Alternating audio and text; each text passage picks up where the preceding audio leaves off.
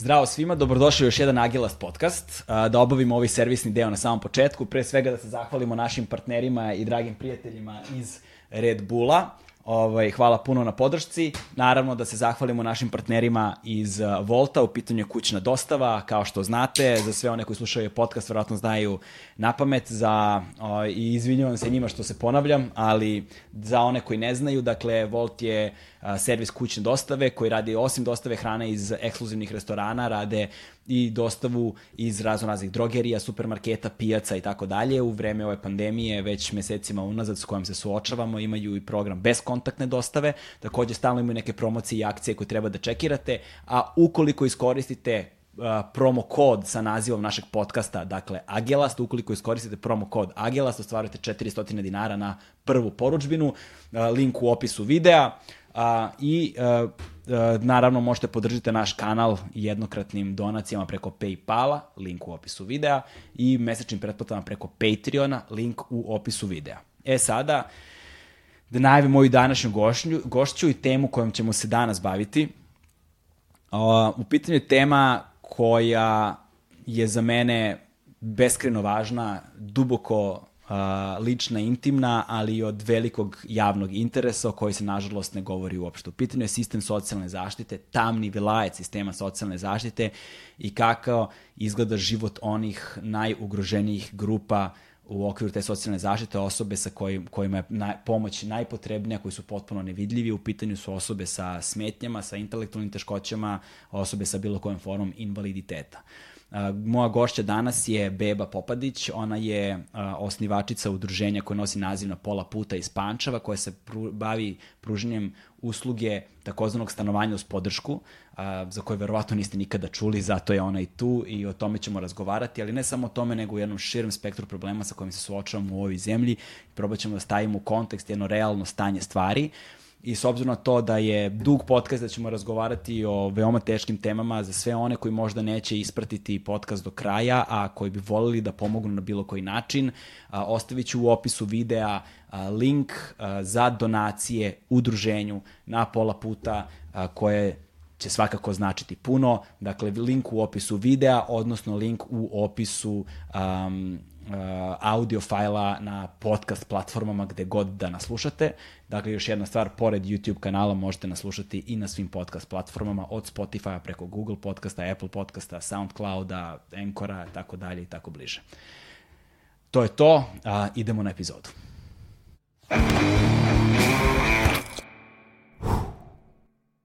Hmm.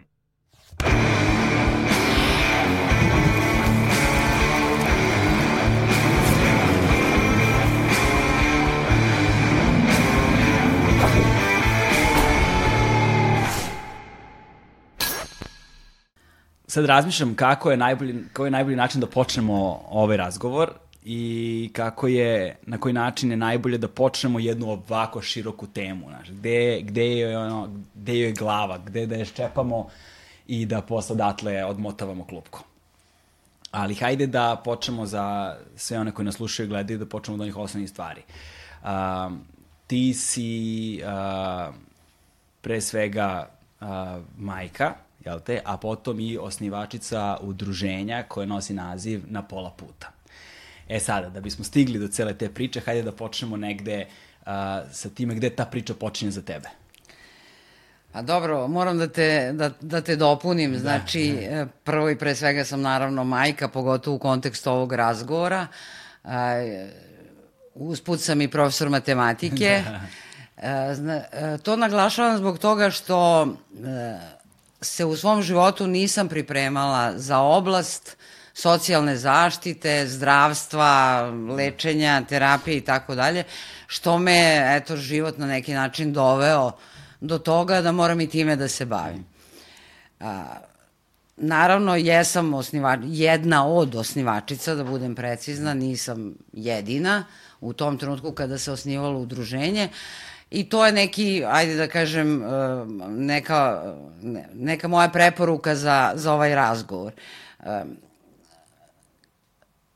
kao što se većini nas desi kada e, se očekuje dete, niko ne očekuje probleme, naravno. Svi smo u fazi trudnoće i očekivanja prvog, drugog, entog deteta srećni, zadovoljni, uh, planira, planiramo neku budućnost koja će biti u ružičastim tonovima, a onda se desi što svako može da se desi, mada svi mi, pa i ja, sam razmišljala da se to meni nikad neće desiti. I mislim da je to glava problema. Što građani, društvo nije edukovano na pravi način o svim e, stvarima koje mogu da se, pogotovo u vreme, ja govorim o vremenu pre 34 godine, da. kada sam ja bila trudna. Sada se u tom segmentu nešto promenilo. Znači, ta trudnoća na neki način je e, pravilnije vođena. E, mnoge stvari mogu možda unapred da se otkriju, e, reše, da čovek sam napravi izbor da li želi ili ne želi da da živi i da se bori sa nečim što se ka, što, što jeste dete sa invaliditetom, odnosno sa teškoćama u razvoju. U ono vreme ta trudnoća je bila relativno dobra, ja jesam bila u bolnici sve vreme, znači bila sam pod kontrolom lekara, porođaj je bio malo komplikovaniji, opet zbog na neki način nesavjesnosti lekara koji me ostavio jer nisam njegov pacijent. Toga ima i dan danas.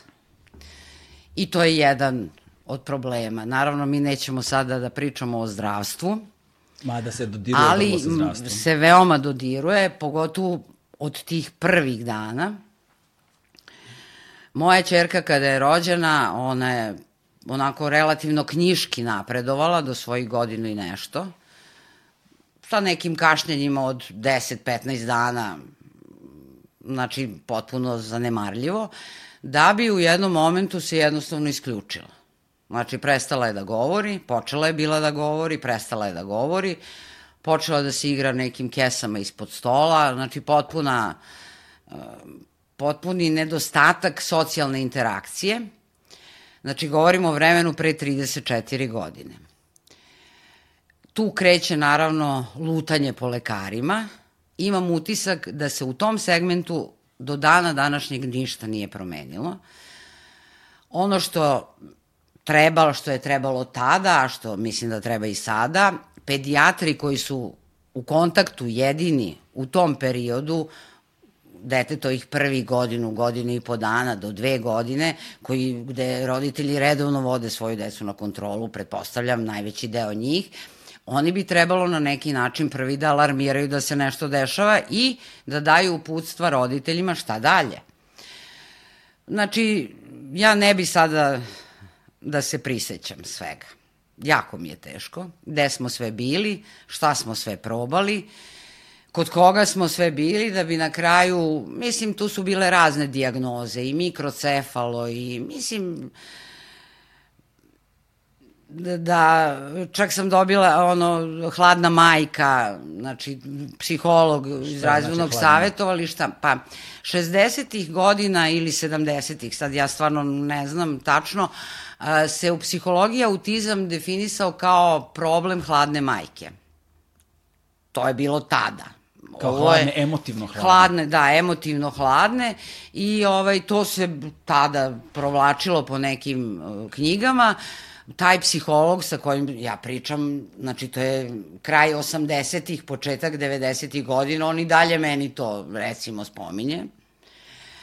I tako, kažem, razne dijagnoze smo tu dobili. Na kraju sam ja otišla u biblioteku medicinskog fakulteta, uzela knjige i počela da čitam da vidim šta se dešava s mojim detetom.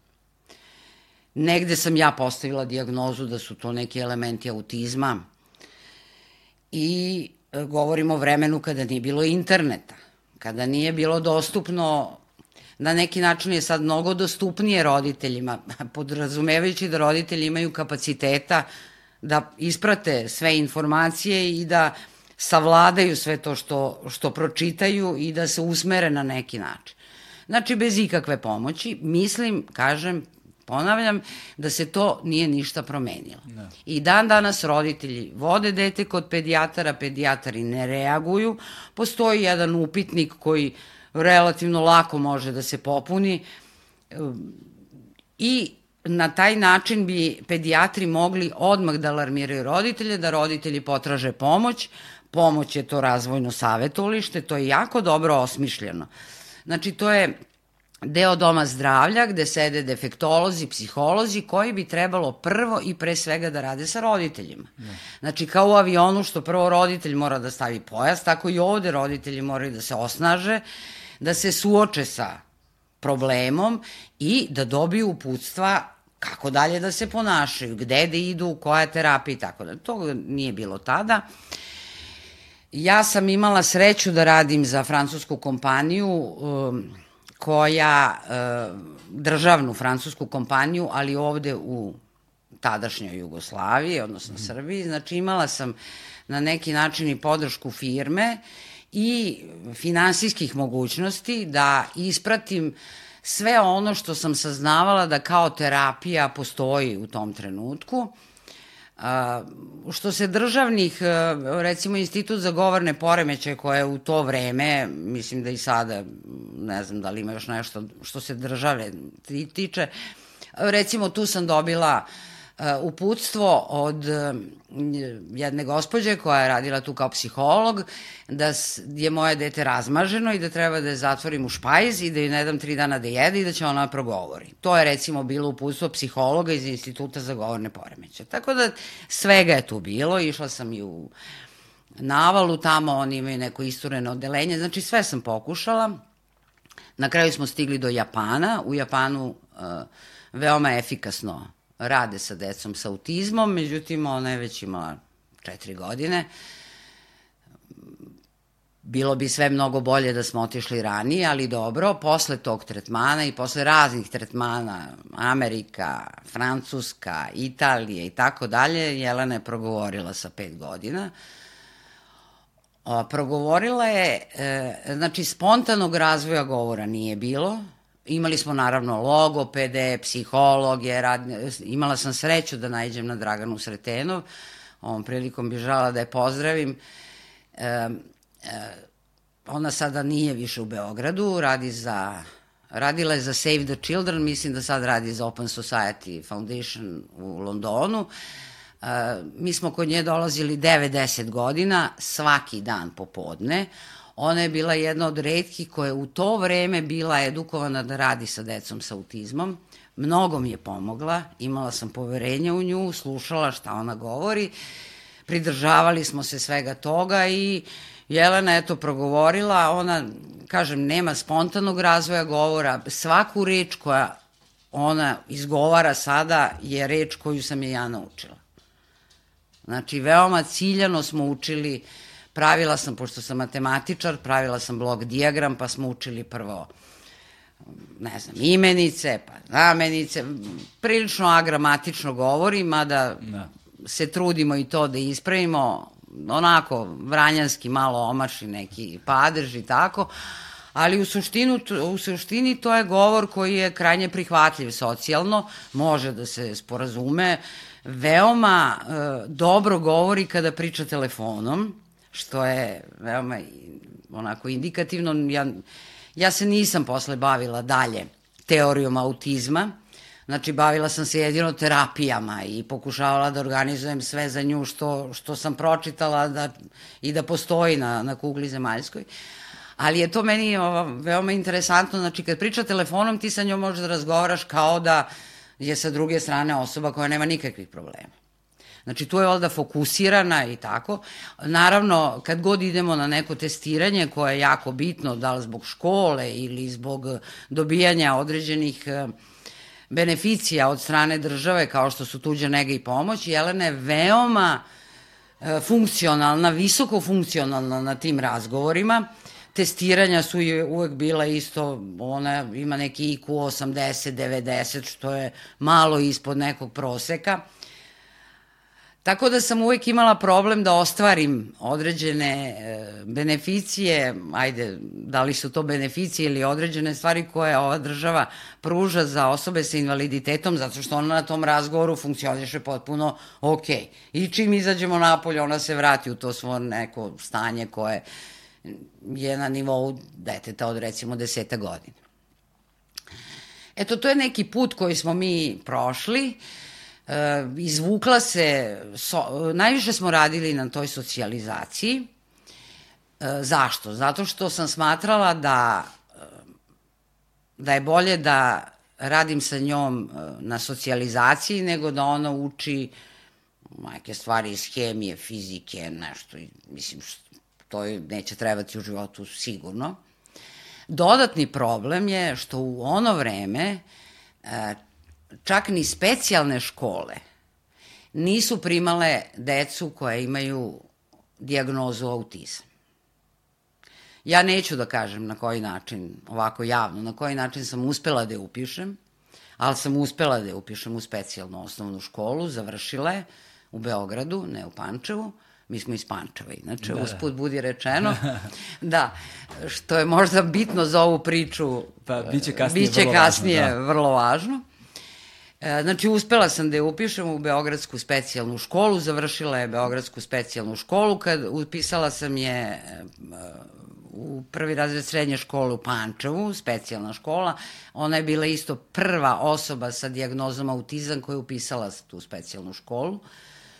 Naravno, izbacili su je posle prvog polugodišta, mislim izbacili. Dali su je sve moguće jedinice i onda sam ja shvatila da je to uopšte besmisleno da se bavimo time na taj način. Znači, ono vreme što se obrazovanja tiče, pošto sam sad spomenula obrazovanje, tiče e, bilo za osobe sa autizmom koje imaju, znači, diagnozu autizam, bilo onemogućeno čak da upišu i specijalnu školu. To se sada nešto promenilo, nešto malo više, ali tako, specijalnih škola nema, idemo u inkluziju. Ja o tome ne bi da pričam, o tome ne znam ništa. Da. No nismo to nas dve prošle i prosto nije u redu da pričamo o nečemu što ja mogu samo da kažem svoj stav, da ja mislim da inkluzija po svaku cenu je besmislena, kao što je besmisleno sve što je po svaku cenu, da treba praviti određene osobe, imate osobe sa autizmom koje su neverbalne i one idu u redovnu sred, u osnovnu školu. Mislim, čemu to? Tako da, Kažem, ali to je tema o kojoj da. ne bi ja pričala. E, znači, završila je osnovnu školu, završila je pola razreda srednje škole e, i onda smo došli u situaciju, kao što i svi roditelji osobe sa, koji imaju decu sa invaliditetom, a posebno sa autizmom, a sad ću kazati zašto posebno sa autizmom, zato što je autizam, znači osobe, deca, mladi, odrasli, stari sa invaliditetom su najnevidljiviji deo našeg društva. U tom skupu, sad se izražavam kao matematičar, podskup su osobe sa autizmom. Deca, mladi, odrasli, stari. Oni su najnevidljiviji od najnevidljivijih. Zašto? Ako neko ima Down sindrom ili ima intelektualne teškoće, tu metalnu se, difaziju. Metalnu, da. Ja ne smem da koristim, to sad nije ja. u redu da se koriste ti izrazi, Aha. koristi se izraz intelektualne teškoće. Isključivo za sve kao objedinjeno. Da, kao Aha. da. Znači, tu se zna koja je terapija, idete kod logopeda, radi se naravno na nekoj psihomotornoj reedukaciji, to može da se radi ta terapija i u grupama i tako dalje, ali otprilike to je sve poznato e, i na neki način e, te osobe su priznate da postoje, e, široka, široka društvena zajednica zna i za Down sindrom, zna i za osobe sa intelektualnim teškoćama. Autizam je uvek bio nekako, kad smo po, posle gledanja filma Rain Man, Kišni čovek, da. tu su kao svi odjednom shvatili šta je autizam, taj film, e, mislim, takvi visoko funkcionalne osobe sa autizmom, njihov procenat je minimalan. Znači, nisu sve osobe sa autizmom tako visoko funkcionalne. Da, postoje problem prikazivanja osoba sa autizmom u popularnoj kulturi kroz filmove, serije, gde yes. su oni obično nekakvi, u, ajde da kažemo genijalci. tako po znaci, znacima navoda, nekakvi yes. tihi genijalci. Yes, ono, yes. Savanti, kako yes, je zove. Savanti da. ili Aspergerov sindrom. Da. Znači, jako je mali procenat osoba i mladih i dece sa autizmom koji imaju Aspergerov sindrom, odnosno koji su visoko funkcionalni. Čak veliki deo njih je i neverbalan i tako dalje, ima problema u socijalnom ponašanju, e, mnogi su agresivni, autoagresivni i tako dalje. Terapija za autizam zahteva o, rad jedan na jedan. To je užasno skupo. Da ne govorim sada o tome da trenutno u Srbiji, koliko ja znam, ja se ograđujem, ali koliko ja znam, e, postoji možda dve ili tri osobe koje su edukovane da rade sa decom sa autizmom. E, terapija je neophodno da počne što pre, znači sa godinu i po dana, čim se primete neki simptomi, sindromi, znači kad prestane kontakt očima, kada prestane da govori, da se socijalizuje, da prepoznaje, znači ja sam mogla Jelenu u tom periodu sa dve, tri godine da ostavim na sred ulici da se okrenem da odem, ono uopšte ne bi reagovala. Znači, to su stvari koje roditelji prepoznaju. Naravno, treba im dati podršku da se oni suoče sa tim, ne da zatvaraju oči i da čekaju da im neko sa strane kaže, onda oni to jako teško prihvate, onda nisu pripremljeni, ne znaju gde da idu i tako dalje.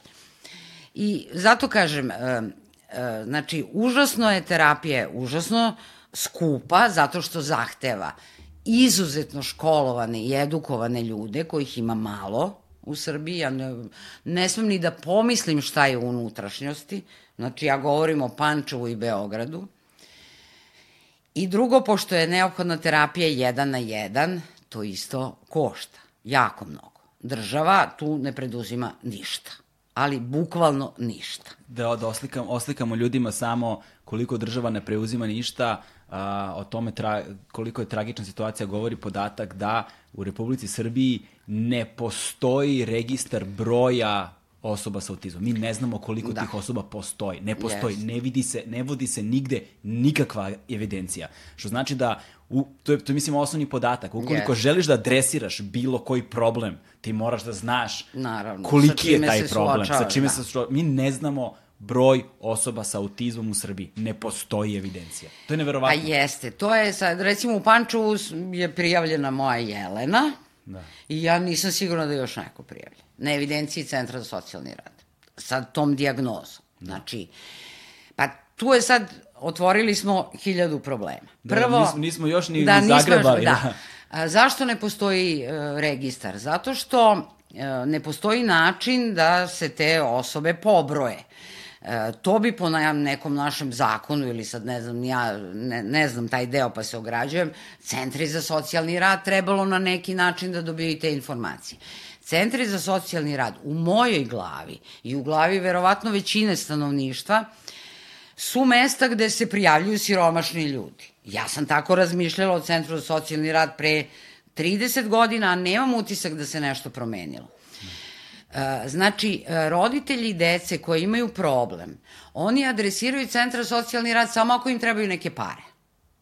I onda što bi išli tamo da prijavljuju dete da ima diagnozu autizam. Znači, to je malo, sad ja možda i grešim nešto, ja stvarno ne znam zakone u, u da, tom da. segmentu. Ali izvini, molim, postoji sad još jedna stvar da ne bude da a, recimo na opštini Voždovac koji ima, ne znam, 230.000 stanovnika, imaš osam socijalnih radnika na terenu za 230.000 stanovnika ih 8 radi. Da, naravno, to je sad mali broj socijalnih da, da. radnika, dodatno problem što se zapošljavaju u centrima za socijalni rad osobe koje nisu završile za socijalni rad, odnosno da. nisu socijalni radnici, to su sve problemi generalno društva, pa samim tim i, i osoba sa autizmom. Mm. Ali Znači, zato je to razvojno savjetovalište, ja sam ga već spominjala, da. nešto što treba da bude ta čvorna tačka. Međutim, ono ne funkcioniše, bar govorim o Panču. Znači, oni rade jedan put nedeljno dva sata što potpuno van pameti.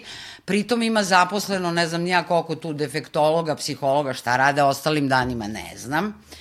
Znači, to razvojno savjetovalište bi trebalo da bude mesto gde pedijatri šalju svoje indikacije za određeno dete da ima neki problem, da li je to autizam ili bilo šta drugo, da razvojno savjetovalište zove tada roditelje, da im prvo psihološku podršku. Nauči ih kako da se nose sa tim. Ja kad sam shvatila o čemu se radi, moja prva misla je bila naravno da ubijem sebe i nju mislim, krećeš od nekog očaja Jer ne znam ni gde ću, ni šta ću, ni kako ću da se borim sa tim. Druga stvar, neophodna je neverovatna podrška. Podrška prvo, da kažem, društva, da. a pogotovo porodice, prijatelja. To kod autizma ne postoji. Porodica, uglavnom se očevi izmaknu, to sam ovako, to je opet neki iskustveni podatak. Porodica, šira porodica na neki način počinje da vas ignoriše, to počinje onako neprimetno. Prvo vas ne zovu na neke kao proslave, pa onda vas više ne zovu ni na rođendane, na slave, na tako neka slavlja, pa onda kad treba da vam dođu u goste uvek izmišljaju neki razlog zašto neće doći, pa kad vi treba kod njih da idete isto je uvek neki razlog zašto vi ne možete da dođete. A onda krene naravno i krug prijatelja da vam se osipa, jer njihova deca neće da se druže s vašim detetom i tako dalje. Znači, osnovni problem kod porodica e, sa, o, koje imaju decu sa autizmom je ta neka e, socijalna izolovanost koju sad svi proživljavamo zbog korone, ali tako da nama ovo nije ništa. Ovo je u stvari super u odnosu na to šta smo mi preživeli, što se socijalizacije tiče i to je to je jako teško. Meni je znaš, to najteže palo. Znaš kako, ova izolacija je barem kolektivna, ako ništa, jest, znaš, za razliku jest. od individualnih slučajeva izolacije, koje trigeruje jedno beskonačno veliko osjećanje sramote i bespomoćnosti. Yes, I yes. to je nešto, i onda osobe, porodice, srodnici kojima se dešava ta stvar, povlače se duboko u sebe, time se dublje izoluju i onda se dešava na sve to još veći problem, a to je da sve ono što im se dešava, oni misle da se dešava samo njima. Dobro, ima i toga, Daš. verovatno. Ja sam bila dovoljno osvešćena kasnije kad sam prošla te faze očaja, suočavanja sa problemom, onda rešenosti da se izborimo kako znamo i umemo i tako dalje. Srećom, očigledno sam takav i karakter između ostalog i imala sam koliko toliko kapaciteta da ispratim sve to i finansijskih i kakvih god. Ali... E, jeste ta izolovanost meni najteže pala. Ja sam veoma uh, u mladosti bila društvena.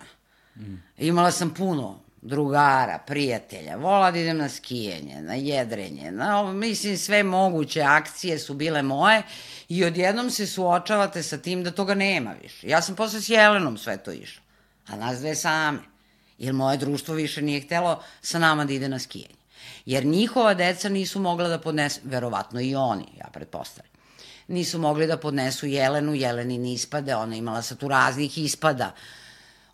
Jelena je sada veoma socijalizovana i korektno se ponaša, ali kad je bila mala, bile su to razni ispadi, i agresija i vrištanje i svašta nešto. Ja? Tako da, hoću da kažem, meni lično je to najteže palo. Mi smo se borili, moj cilj je bio da je ja osposobim da ona koliko toliko bude socijalizovana. Jasno mi je bilo da neće moći samostalno živi nikada, ali da je osposobim toliko da može da funkcioniše. Znači da može sama da jede, da pripremi nešto sebi, da se obuče, da ide u šetnju, da uživa u operi i pozorištu. Uh, Mene je Branko Kockica redovno izbacivao iz njegovog pozorišta, zato što smo mi išli u pozorište. Ja sam žela da ona nauči da ide u pozorište. Njeni odlasci prvi u pozorište su bili sa vrištanjem.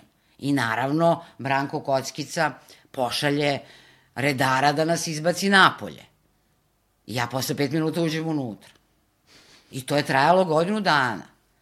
Ali sam bila uporna. Ja znam da sam smetala drugim roditeljima i glumcima i sve, ali bila sam uporna, Jelena sad jako voli da ide u pozorište. Može da ide u Narodno pozorište, odgleda i operu i balet i da se adekvatno ponaša. Ali kažem, za sve to je neophodna užasna energija da staviš džonove na obraze i kad ovaj dođe da ti izbaci napolje, ti kažeš ok, sad si mi izbacio, ja ću se vratiti za pet minuta, pa me izbaci ponovno.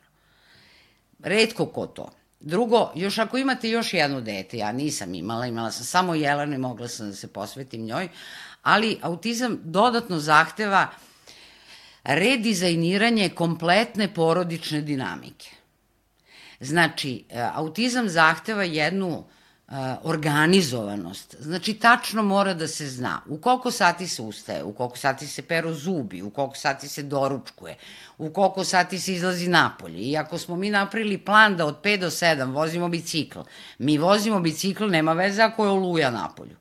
Znači, e, godine su prošle, dok sam ja Jelenu uspela da da, da joj obezbedim da njen emotivni a, htela sam kažem sustav, da. pričala sam jutro sa znajom Hrvaticom, da, da ona emotivno može e, da podnese promenu plana. Inače, to je bilo strašno. Znači, ako je oluja na polju, a mi smo rekli da ćemo voziti bicikl, bicikl ako se ne vozi, onda imamo jedan agresivni napad sa razbijanjem svega u kući. Znači, mi smo morali da vozimo bicikl. I kažem, godinama, godine su prošle dok ona sada, ako joj se na vreme kaže da će doći do promene nekog plana, ona to može veoma normalno da prihvati, bez ikakvih e, emotivnih ispada i tako dalje. I zato kažem, kada porodica sa detetom sa autizmom mora svoju dinamiku potpuno da prilagodi Šta to znači? To znači na vama neko dođe u 8 sati uveče u goste, ja kažem izvini, mi u 8 sati imamo tuširanje. Ili sedi tu pa čekaj da mi završimo ili idi. Mm. E, tako da, kad, kad postoji bračni drug i kad postoji možda i drugo, treće dete, to je jako teško izvodljivo. Meni je to jasno. Ali terapija autizma ne može da se obavlja samo u savetovalištima i kod terapeuta. Ne, jednom nedeljno dva sata. Da, to ne. Znači, ona je konstantno 24 sata. I tu je jedan od problema. Znači, nema edukovanih terapeuta, odnosno minimalno ih ima, terapije su užasno skupe i treća stvar, roditelji moraju da budu edukovani i da oni kod kuće se ponašaju adekvatno onome što je u tom datom trenutku neophodno za tu fazu, da kažem, ne koristim termin lečenje, nema lečenja. To je ne, prosto sindrom, simptom koji ceo, to je ceo životni uh, problem, ali određenim terapijama mnogo, mogu određene stvari da se ispravi i ali zato je neophodno da roditelji budu edukovani. Znači, neko tim roditeljima mora da kaže da nema spontanog dešavanja u toku dana. Da mora da se plan napravi za celu nedelju maltene. Da se nacrta na zidu. Sa, ima tih sličica sada, to smo mi sve ranije, morala sam sve da crtam, a sad to ima da se... Znači, to, ustajanje, pranje zuba, doručak, ide se u školu ili već gde. A, vraća se, ručak, znači tačno, taksativno, u minut maltene. I onda taj ritam mora da se poštuje godinu, dve dana. Pa onda polako se unose neke izmene. Veoma postepeno da bi oni mogli da podnesu te promene i kako se šta usvaja, tako se ubacuje i tako. Kažem, to je jedan od najvećih problema u tom nekom uzrastu počinje pubertet, hormoni rade, to je strašno. Znači, mi smo imali takvih agresivnih napada dve, tri godine koji su trajali u tom periodu, imamo ožiljke i dan danas, ali ono što sam, dobila sam jedan dobar savet eh, od te pomenute Dragane Sretenova i od nekih lekara koji uh, Jako malo lekara se inače bavi autizmom. Njima je, autizam je uvek nešto između medicine i ne znam nija čega, jel? Socijale, mislim, ili ti terapijski, ti tretmani ne znam ni gde spadaju. Mislim da ni država trenutno ne zna. Da. To je sve tako nešto lebdeć. Um, dobila sam savet da joj nikako ne dajem lekove za umirenje.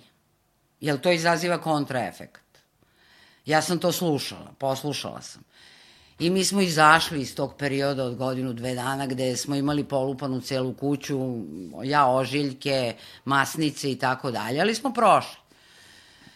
Raznim e, metodama koje sam naučila od psihologa, od ovog, od onog, znači umaranje, recimo ta japanska metoda, ona se bazira na um, angažmanu, fizičkom angažmanu.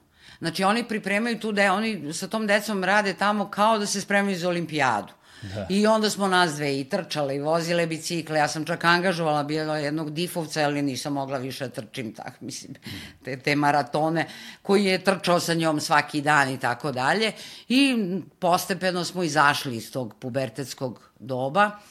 Puno roditelja napravi tu grešku, počnu da daju tablete za umirenje po preporukama psihijatara, neuropsihijatara, ne znam kod koga, ne, ne znam koji je to da, ja, gde ja, se ja to ide. Nekoliko, ja znam nekoliko primera yes. prijatelja koji su imali, yes. odnosno imaju braću ili sestre sa ozbiljnijim autizmom, dakle, spe, da ozbiljniji su spektru, dakle, nekomunikativni, ne ostvaraju nikakav uh, pogled, uh, ne, ne ostvaraju kontakt da, da. pogledom, ne, neverbalni potpuno, ovaj, i koji kada su ulazili u faze puberteta, posebno sa muškom decom, da, da. to budu strašne, strašne epizode, je. strašne epizode i da su oni njima davali, recimo, znam da su im davali valjda bromazepame od 9 mg i što da. ja znam, ono, znaš, da, da, da su to bile preporučene terapije. Jeste. Ja sam imala sreću da najđem na doktora koji mi je tada rekao da se to negde zna.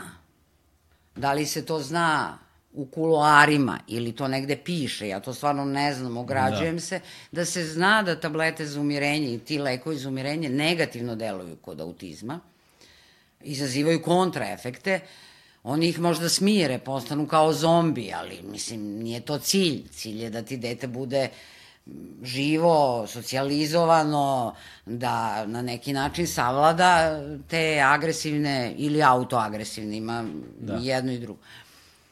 I jako sam srećna što smo to izgurali na taj način, jer ja imam primera u svojoj okolini gde roditelji daju tu neku terapiju i to kasnije prerasta u psihozu. I to je onda celoživotno pijenje takvih tableta. Ja sam prosto izabrala ovaj put, kažem po preporuci, nisam ja nešto pametni, šta nisam, da, da. nego po preporuci lekara i pomenute Dragane Sretenov, koja je u Londonu završila specializaciju i tamo u tom centru njihovom radila sa decom sa autizmom i zato je imala, imala iskustvo i znala je to i tako dalje. Ali kad sve to prođe i dođete do neke 17. 18. godine, završi se školovanje i šta onda? Šta onda? Onda ono što naša država nudi I tada, a i sada, ne vidim da se nešto promenilo, to su ti dnevni boravci. Dnevni boravci koji uglavnom obuhvataju decu, odnosno sad to su već mladi, nisu deca, sa Down sindromom, sa intelektualnim teškoćama. A, u Pančevu je tada postojalo zasebno odelenje za autizam. Ja kad sam otišla tamo i kad sam videla kako to izgleda, Znači, tu sam odmah donela odluku da se, tu sad vi grupišete osobe mlade sa autizmom, njih jedno desetak ili pet, neka ih je pet, pa oni će da se pokolju međusobno, kad moram tako kolokvijalno da se da, izrazim. Da. Znači, to je nemoguće. Preporuke um, raznih stručnjaka iz inostranstva su da se u grupe sa Down sindromom i intelektualnim teškoćama ubacuje po jedan do dva mladih sa autizmom. A ne da i getoizirate opet. Tako da, da pričat ćemo o toj getoiza, da, getoizaciji. To getoizacija posebno, postoji, da, to da, već smo... Je, jer problem getoizacije nije samo u ovom kontekstu kolokvijalno, kako ga verovatno razume većina slušalaca koji nas slušaju sada, a, ne, osim osoba koje poznaju nekoga ili imaju srodnike sa nekom vrstom smetnje, onda oni vrlo dobro znaju o čemu govorimo, a, nego govorimo o tome da je veliki deo inkluzivnih programa takođe getoiziran yes. i da se zapravo time što oni govore da inkluzija ne postiže ništa, yes. nego odlazimo još dublji mrak. Kada ćemo pomenuti to, samo bi se vratio dva koraka, na dve stvari bi se vratio korak unazad, a, a to je, mislim da ljudi ne razumeju koliko zapravo veliko odricanje i koliko je mnogo truda neophodno da se uloži u rad sa detetom, a, da bi se dete, mislim, ja poznajem tvoju Jelenu, ona je visoko socijalizovana, ono, zaista, ovaj, a, i koliko je rada neophodno da se uradi, da se uloži ne samo u osobe sa autizmom, nego i sa Down sindromom, na primjer, naravno, tako dalje. Naravno. Dakle, da se opismene, da nauče da, da. čitaju da. i da pišu, za početak. Yes. Pa onda da nauče da komuniciraju sa drugima, da nauče da komuniciraju sa spolješnjim svetom na nivou elementarnih životnih ono, svakodnevnih obaveza, yes. pa da ode do prodavnice. Yes. Znaš, da ode do prodavnice, da kupi nešto da se vrati kući. Yes. Da vodi ili računa o ličnoj higijeni ili da se obuče, obuje, istušira i tako dalje. Um, rad koji je neophodno investirati u to uh, nije samo od velika količina vremena, nego je i jedna ogromna individualna žrtva. Odnosno po sobstveni društveni život, po sobstveni ono, profesionalni verovatno život i brojne druge navike uh, ili ono um, uh, privilegije na koje smo negde navikli u životu i prihvatili zdravo za Pa jeste, u pravu si. Ja sam u jednom trenutku uh, htela da dam otkaz i da se posvetim Jeleni. Na sreću, uz preporuku te dotične, malo pomenute, malo prepomenute Dragane Sretenu, ona je rekla, pobogu, nemojte to da radite, vi morate da imate svoj život. Vi ste vi, sem toga što ste i majka, ali vi ste vi i to drugo, kako finansijski, ovaj, ako bi ja dala otkaz, a neposredno posle toga se i desilo, sam se razvela, znači, ja. bile bi na ulici, ne znam ni kako bi... Tako da, e, ja sam u tom trenutku mislila da ja neću moći psihički i fizički da izdržim sve. I da radim. Imala sam veoma odgovoran posao u IT sektoru. Znači, to zahteva jedan mozak koji radi. Da. Znači, nisam radila u državnoj firmi gde mogu i da fingiram da radim. Da. Radila sam prvo kod Francuza, kasnije kod privatnika, gde sam stvarno morala da radim. Da. Znači, ja sam u tom trenutku je moja procena bila da ja to neću moći da izdržim sve. Fizički, psihički, kako god. Međutim, evo, izdržala sam. I posle sam još napravila udruženje, pa sam imala još jedan dodatni posao. Ali, e, mislim da mi je ta odluka dobra iz više razloga. Prvo, bili smo finansijski obezbeđene. Drugo, imala sam deo svog života koji nisam morala da žrtvujem. Ja volim svoj posao volela sam svoj posao, zato sam i studirala to što sam studirala.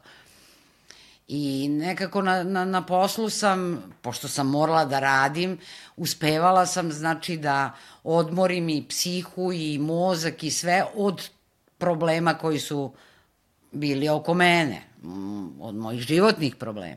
Znači, ipak sam, posao mi je na neki način, sem te finansijske sigurnosti, davao i neku ličnu sigurnost, da sam ja ipak ja, da ja postojim kao jedinka. Nisam samo mama. Ne. Zato mi je zasmetalo tvoj, tvoja najava da, ste prvenstveno, da sam prvenstveno majka. Naravno da sam majka, ali ne. znači, ja sam ja. Ne. I to mi je stvarno puno pomoglo, što sam je poslušala i što sam išla u tom smeru. Kažem, moja procena bila da ja to nema šanse da izdržim. Ja sam radila, dolazila kući u 5-6 popodne, I onda morala da se bavim Jelenom. Ali ne kao majka, nego kad, kao terapeut. I to mi je u stvari najteže padalo. Ja u stvari nisam mogla da budem mama moje Jeleni. Morala sam da budem terapeut. E, kad je učila da vozi bicikl, vozila je bicikl unazad. Zašto unazad, ne znam. Znači, i bivši muž i ja smo, ja mislim, jednu godinu dana kod hotela Tamiš, Pančevci znaju gde je to, na počevi onako ima veliki jedan slobodan prostor, godinu dana nju učili da vozi bicikl unapred. Znači ona ga je unazad vozila. Zašto? Kažem, ne znam. To je bilo vrištanje, onda ovaj bivši moj muž, on ode, ne može da podnese to. Ja sam bila uporna, jel na super vozi bicikl sada. Mislim, posle ga je vozila, ide do radnje biciklom i tako da. Zahteva odnosno šta je zahtevalo od mene? Zahtevalo je od mene da se odreknem svih svojih hobija, većine prijatelja, ne namerno, nego njihovim izborom, ali nisam trošila vreme na to da ih... Nisam bila ogorčena. Da. Prosto sam to precrtala i zaboravila. Oni su sad tu oko mene. Oni su se vratili, ali sve je jasno. Svima je jasno sve. Mi to naravno ne izgovaramo, niti ću ja ikad to da izgovorim, ali... E, I da, još jedna stvar koja je ključna. A, prvi godinu dana sam jako mnogo vremena potrošila istražujući zašto se to desilo. A, šta? Zašto je Jelena rođena Aha, sa, sa problemom. Mm -hmm. Da li je u pitanju Černobil, pa da bio Černobil dok sam bila trudna, da li je u pitanju taj doktor koji me ostavio da se mučim, pa kad je došao moj doktor, posle 12 sati i tako dalje, Jelena mrtvorođeno oživljava. Da li to, da li da mrzim onog doktora, da mislim... I onda sam jednostavno podvukla crtu i rekla sebi e, da ne, ne želim u sebi loša osjećanja i ne želim da gubim vreme da istražujem, jednostavno je to to. Nemam ništa od toga da saznam zašto se to desilo, da li je to nečija krivica ili je to jednostavno eto tako. Moja neka naša sudbina, moja i njena. I tada mi je bilo mnogo lakše. Lakše sam se osjećala bez tog negativnog tereta. Mogla sam da se posvetim uh, detetu sa pozitivnim osjećanjima, da idemo na, na bolje, da budemo optimista, a da ovo zaboravim, da jednostavno precrtam i tako je, kako je. Jedino što i dan danas kad vidim tog doktora koji nije hteo da me porodi, ima malo problem. Uhvatim sebe onako da, da krenem prema njemu pa pređem na drugu stranu ulice. Ali um, zahteva znači da se čovek odrekne mnogih stvari, da u krajnjoj liniji i mnogi brakovi propadnu zbog toga, jer onaj bračni partner, sad ja neću da kažem obično, ali obično je to muž, a, jednostavno a, ne želi, ne može, nije sposoban, ljudi koji nisu sposobni, da prihvati činjenicu da mu je dete sa problemom, a onda očekuje od bračnog partnera i dalje isti odnos i tako dalje, što je nemoguće. Znači, svi moraju da budu fokusirani na, na taj. Ali, kažem, ja sam negde bila svesna te žrtve, spremno sam je podnela i ja sad, kad vratim film i ne doživljavam kao, to kao žrtvu. Ja, ja celu ovu situaciju, e, znači, prvo mislim da sam postala bolja osoba nego što sam bila. I to mi je drago. Čini mi se da je to, većina roditelja postanu ogorčeni, besni, cinični, mrze ceo svet i tako dalje. Kod mene se desilo nešto suprotno. Ja sam bila onako dosta i sujetna i samosvesna. Mislim da sam postala bolja, da mi je Jelena to pomogla, da nekako svoj karakter malo ispravim, da tako kažem. I doživela sam radosti, naravno i tuge, ali radosti koje u, u nekom uobičajenom odrastanju deteta ti ne možeš da doživiš. Znači, e, sedimo na klupi u Remsu u Francuskoj kad smo bili na toj terapiji i ona meni tada prvi put kaže, recimo kod autizma ima jedan od simptoma je da oni mešaju stvarnost i maštu. Mm -hmm. I da zato imaju često neadekvatno ponašanje zato što a, oni misle da su negde drugo a, i da se nešto drugo dešava, a nisu svesni stvarnosti. E, trenutak kad je meni Jelena na toj klupi u Remsu rekla da, odnosno pitala me, mama, jel smo mi sad ovde ili smo kod kuće? Znači, ona je prvi put se suočila i verbalizovala dilemu gde se ona nalazi u tom trenutku. Taj trenutak moje sreće, ja ne mogu da ti opišem. Znači, takva radost i sreća se uobičajeno ne doživljava da. kad imaš uobičajeni razvoj deteta. A naravno i tuge su bile da. velike, ono razne, velike, da. da.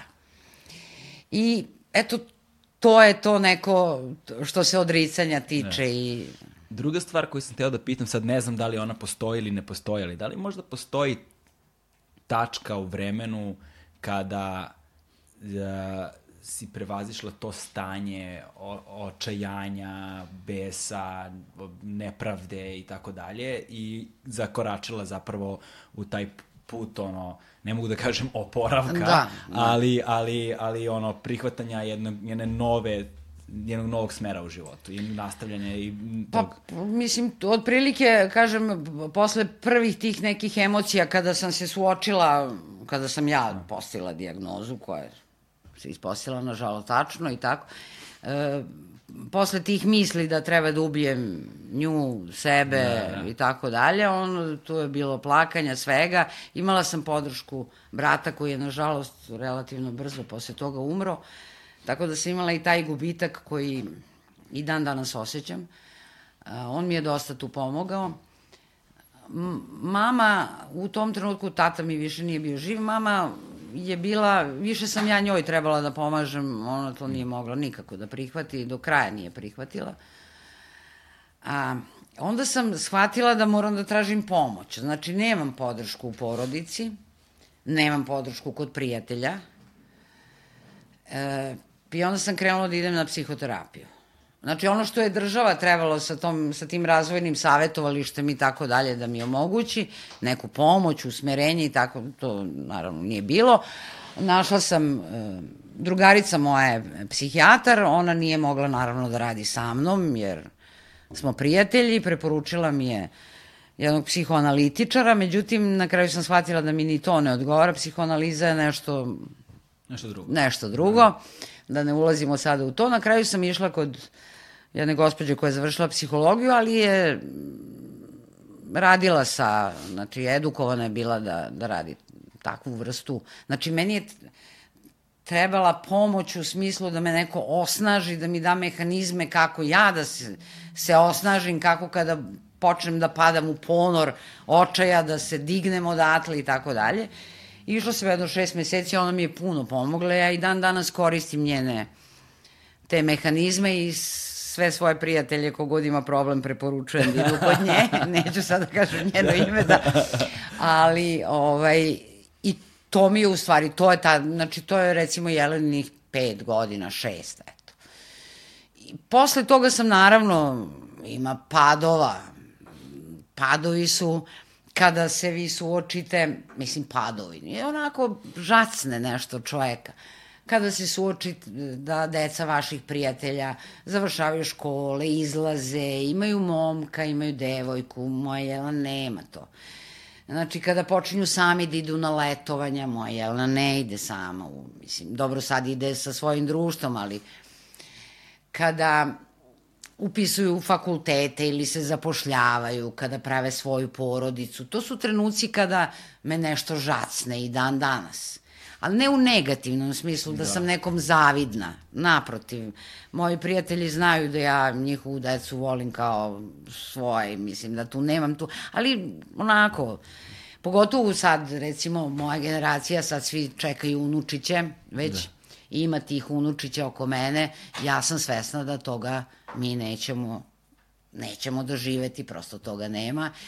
I to su sad ti neki trenuci, ali kažem, to je neka, uh, mi, ja sam ipak vaspitana u Jugoslaviji od oca komuniste, da. koji me onako vaspitao da se ide u školu, pa se posle završi fakultet, pa se posle udaš, pa imaš decu, pa ti dece isto završe fakultet, pa imaš unučiće, pa... I to nekako, to je duboko u meni, ja ne mogu van toga. Znači, u tom, eto, u tom smislu me nekad nešto žacne, ali Ali taj trenutak je bio, eto, to recimo njenih 5-6 godina, kada sam bila u dubokom očaju i kada mi je stvarno puno pomogla. Terapija. Da. I sad da se vratimo na uh, vreme kada ona izlazi iz škole, dakle završava tih polugodište je ovde da, prvog razreda srednje da. škole, tako je moja, moja sestra otprilike da, isto, da, pa oko, tako nešto slično. Um, uh, dolazimo do tačke kada zapravo se institucionalno država završava sa našim srodnicima, yes. našom decom, našim yes. braćom, sestrama i tako dalje.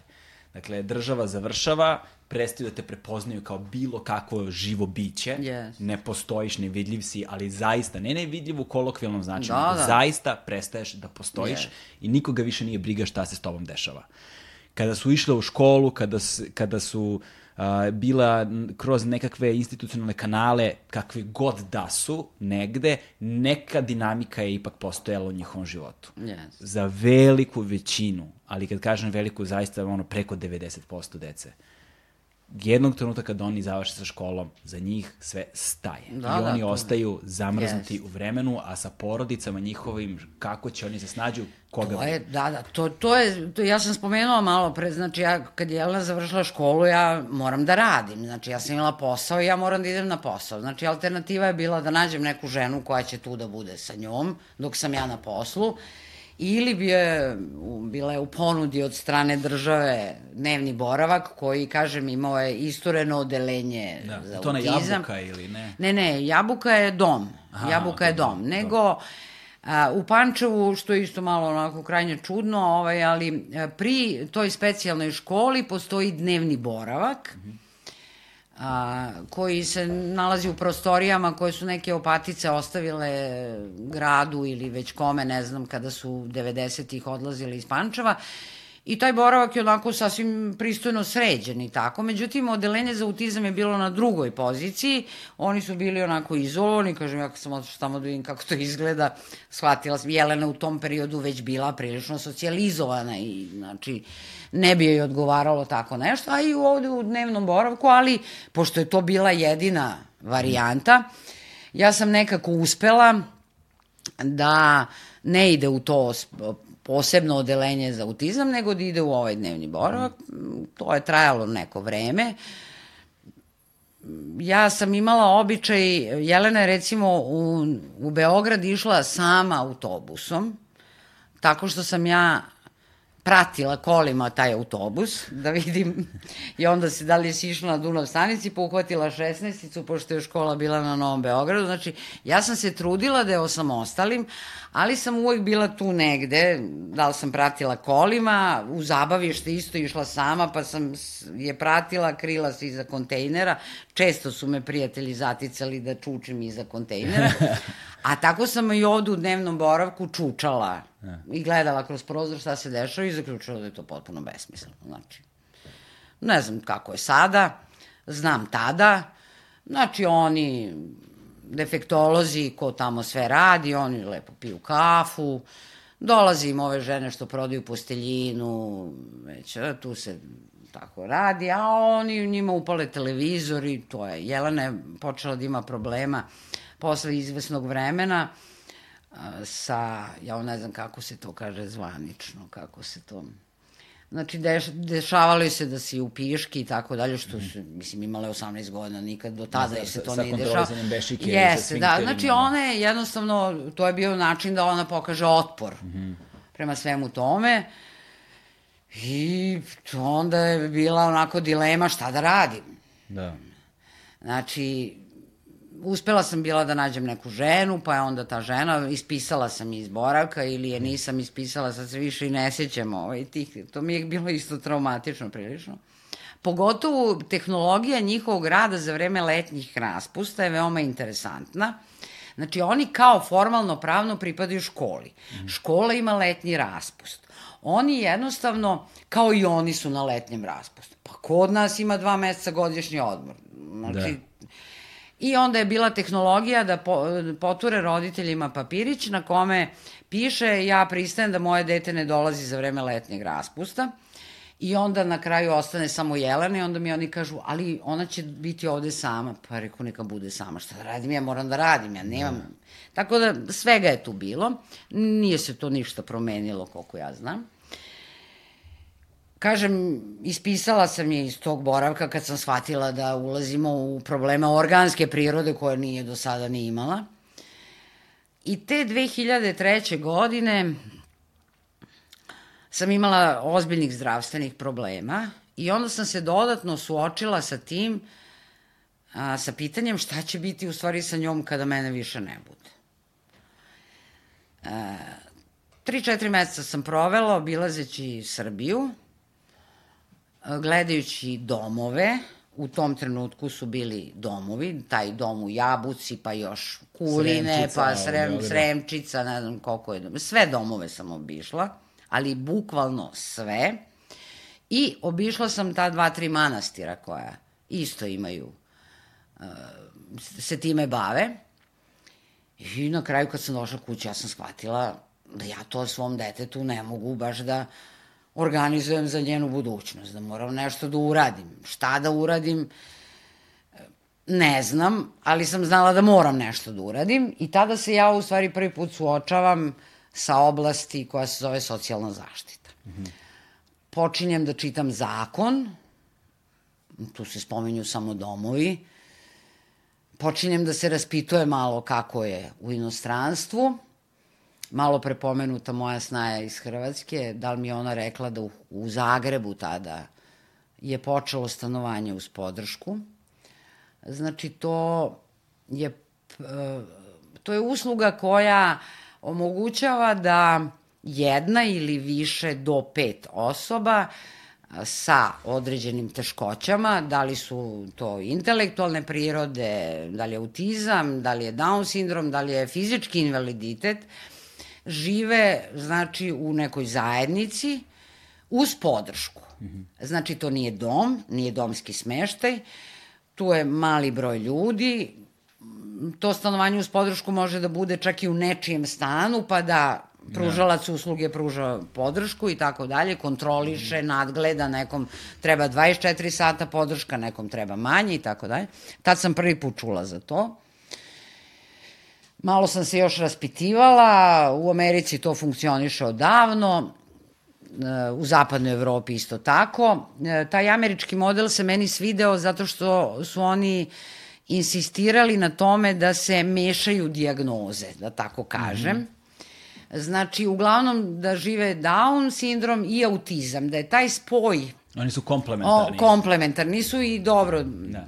Tako da, e, Auti, Evropa... A osobe, osobe, izvim što te prekinem, Da, da. de, deca sa autizmom guraju uh, osobe sa Downom napred, znači prave veliku progresiju kada Jest, borave sa njima, jest. a Downovci za osobe sa autizmom deluju kao sedativ. Jest, jest. Oni I tako da je to i- dobra, dobra kombinacija.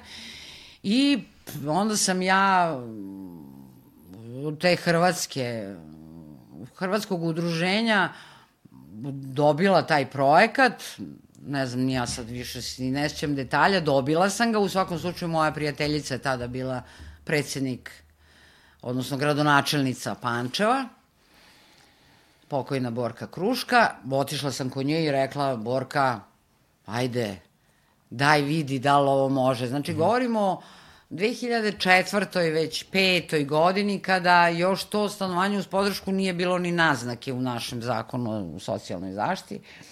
Mi smo tada dobili od grada Pančeva novac za taj neki projekat za pripremu, napravili udruženje, tu, tu su bile još neke gospođe koje su bile defektolozi, još nas dve, tri koje smo majke, napravili to udruženje i tako je to sve krenulo. E, sad, pre nego što se vratimo na tu temu, ja bih volao samo da uh, se nadovežem na epizodu uh, kada si vodila Jelenu u, u dnevni boravak. Ove, na jednu epizodu koja je bila u, mo, u, mom, u mom slučaju. Dakle, kada je sestra moja krenula tamo u srednju školu, ja sam sad zaboravio Dušan Dugalić, ili kako se zove? Na, Da, ima Dušan Dugalić, da, da. Na Kanarovom brdu tamo. Da. Ovaj, sad, pošto to nama nije ni imalo blizu, i onda... Ne, to je Lekić. Leki, Lekić. Lekić, Lekić, Lekić. Da, Lekić, da, Dušan je, Dugalić je osnovna škola. Osnovna, da, da. e. Ovaj, a, I onda smo, a, i sad kao učili smo autobusom kako da ide, i sad ona mora da promeni dva autobusa da, Da. bi stigla tamo, i onda sam ja ovaj, pratio nju krišom. Znači, ti si se da, krio, da, da, pra, da, pra, da. pratio nju krišom do škole. Prvo smo je vodili, vodili, vodili. I onda kada smo se uverili kao, e, gde ulazimo ovde, ulazimo, gde izlazimo ovde, izlazimo, koji autobus čekamo, ovaj autobus Da. čekamo, sad kao proveravaš da li zna, zna. da. I aj sad, znaš, ideš sama, ali u stvari pratiš. Da, da. Ovaj, I u početku je to bilo samo kao pratim prvih nekoliko puta i kao sve ok, a umeđu vremenu, a, recimo nepunih mesec dana kasnije, a, kao što Jelena nije kontrolisala a, Bešiku, mm. Ovaj, tako moja sestra je ovaj, počela da ima a, nazovimo to epileptične epizode. Ne, ne znam kako drugačije da nazovem. Dakle, kao, kao da su epikrize, ovaj, bez, ali bez penj, mm. bez, bez uh, Pene, pene, to, bez, da. znači nije imalo, nije imalo te nekakve fiziološke ob, karakteristike, ali je bilo, su bile te padavice, bilo je to trešenje uh, i tako dalje, grčevi i, to, i tako to. I ovaj, um, ali su se dešavali neobičajno često. Dešavali se recimo 15 puta dnevno, na primjer. Znači, da. baš neki nenormalan Da, da, broj. da. Traje desetak sekundi i Da, ono da. ustane, malo bude onako grogi, 5-6 sekundi i bude okej. Kao kad neko padne u Da, nesvest, da. samo sa, sa tim nekim tremorom, ne, ne znam kako bih to nazvao. Ovaj, I mi na preglede jedne, preglede druge, preglede treće, pa idi ovamo, pa idi onamo i ništa. Nigde, niko, niko, niko nigde ništa nije našao. I to je trajalo, znaš kako izgleda kroz te procedure. Znam, da. To znači noćna mora. I ovaj, u jednom trenutku nas neko pita, pa možda nije fizički.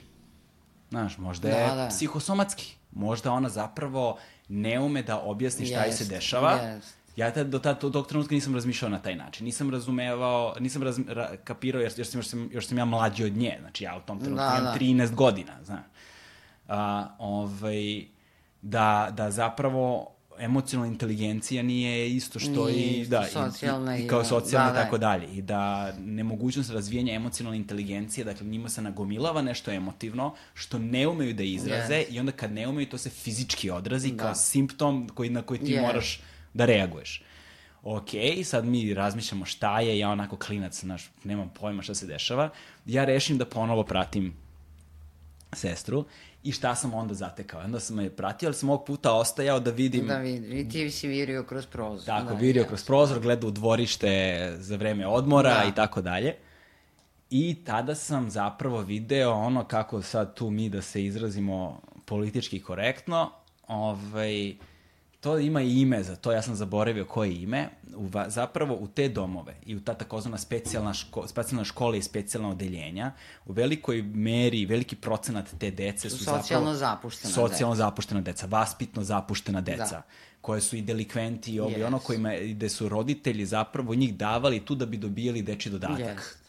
To je to. Da, da. I onda deca koja zapravo nemaju nikakvih intelektualnih smetnji, nikakvih invaliditeta, nikakvih Jest. teškoća, ništa, koji su samo, i oni su zapravo njih tamo zlostavljali. Oni Jest. su njih tamo maltretirali, svašta se tu bilo i, on, i onda kada sam video da maltretiraju moju sestru, da ona ne ume na to da Da. reaguje, to je bio dosta Jest. težak trenutak i onda smo, tad smo rešili da je ispišemo. Posle toga ona Jest. više nije išla u školu.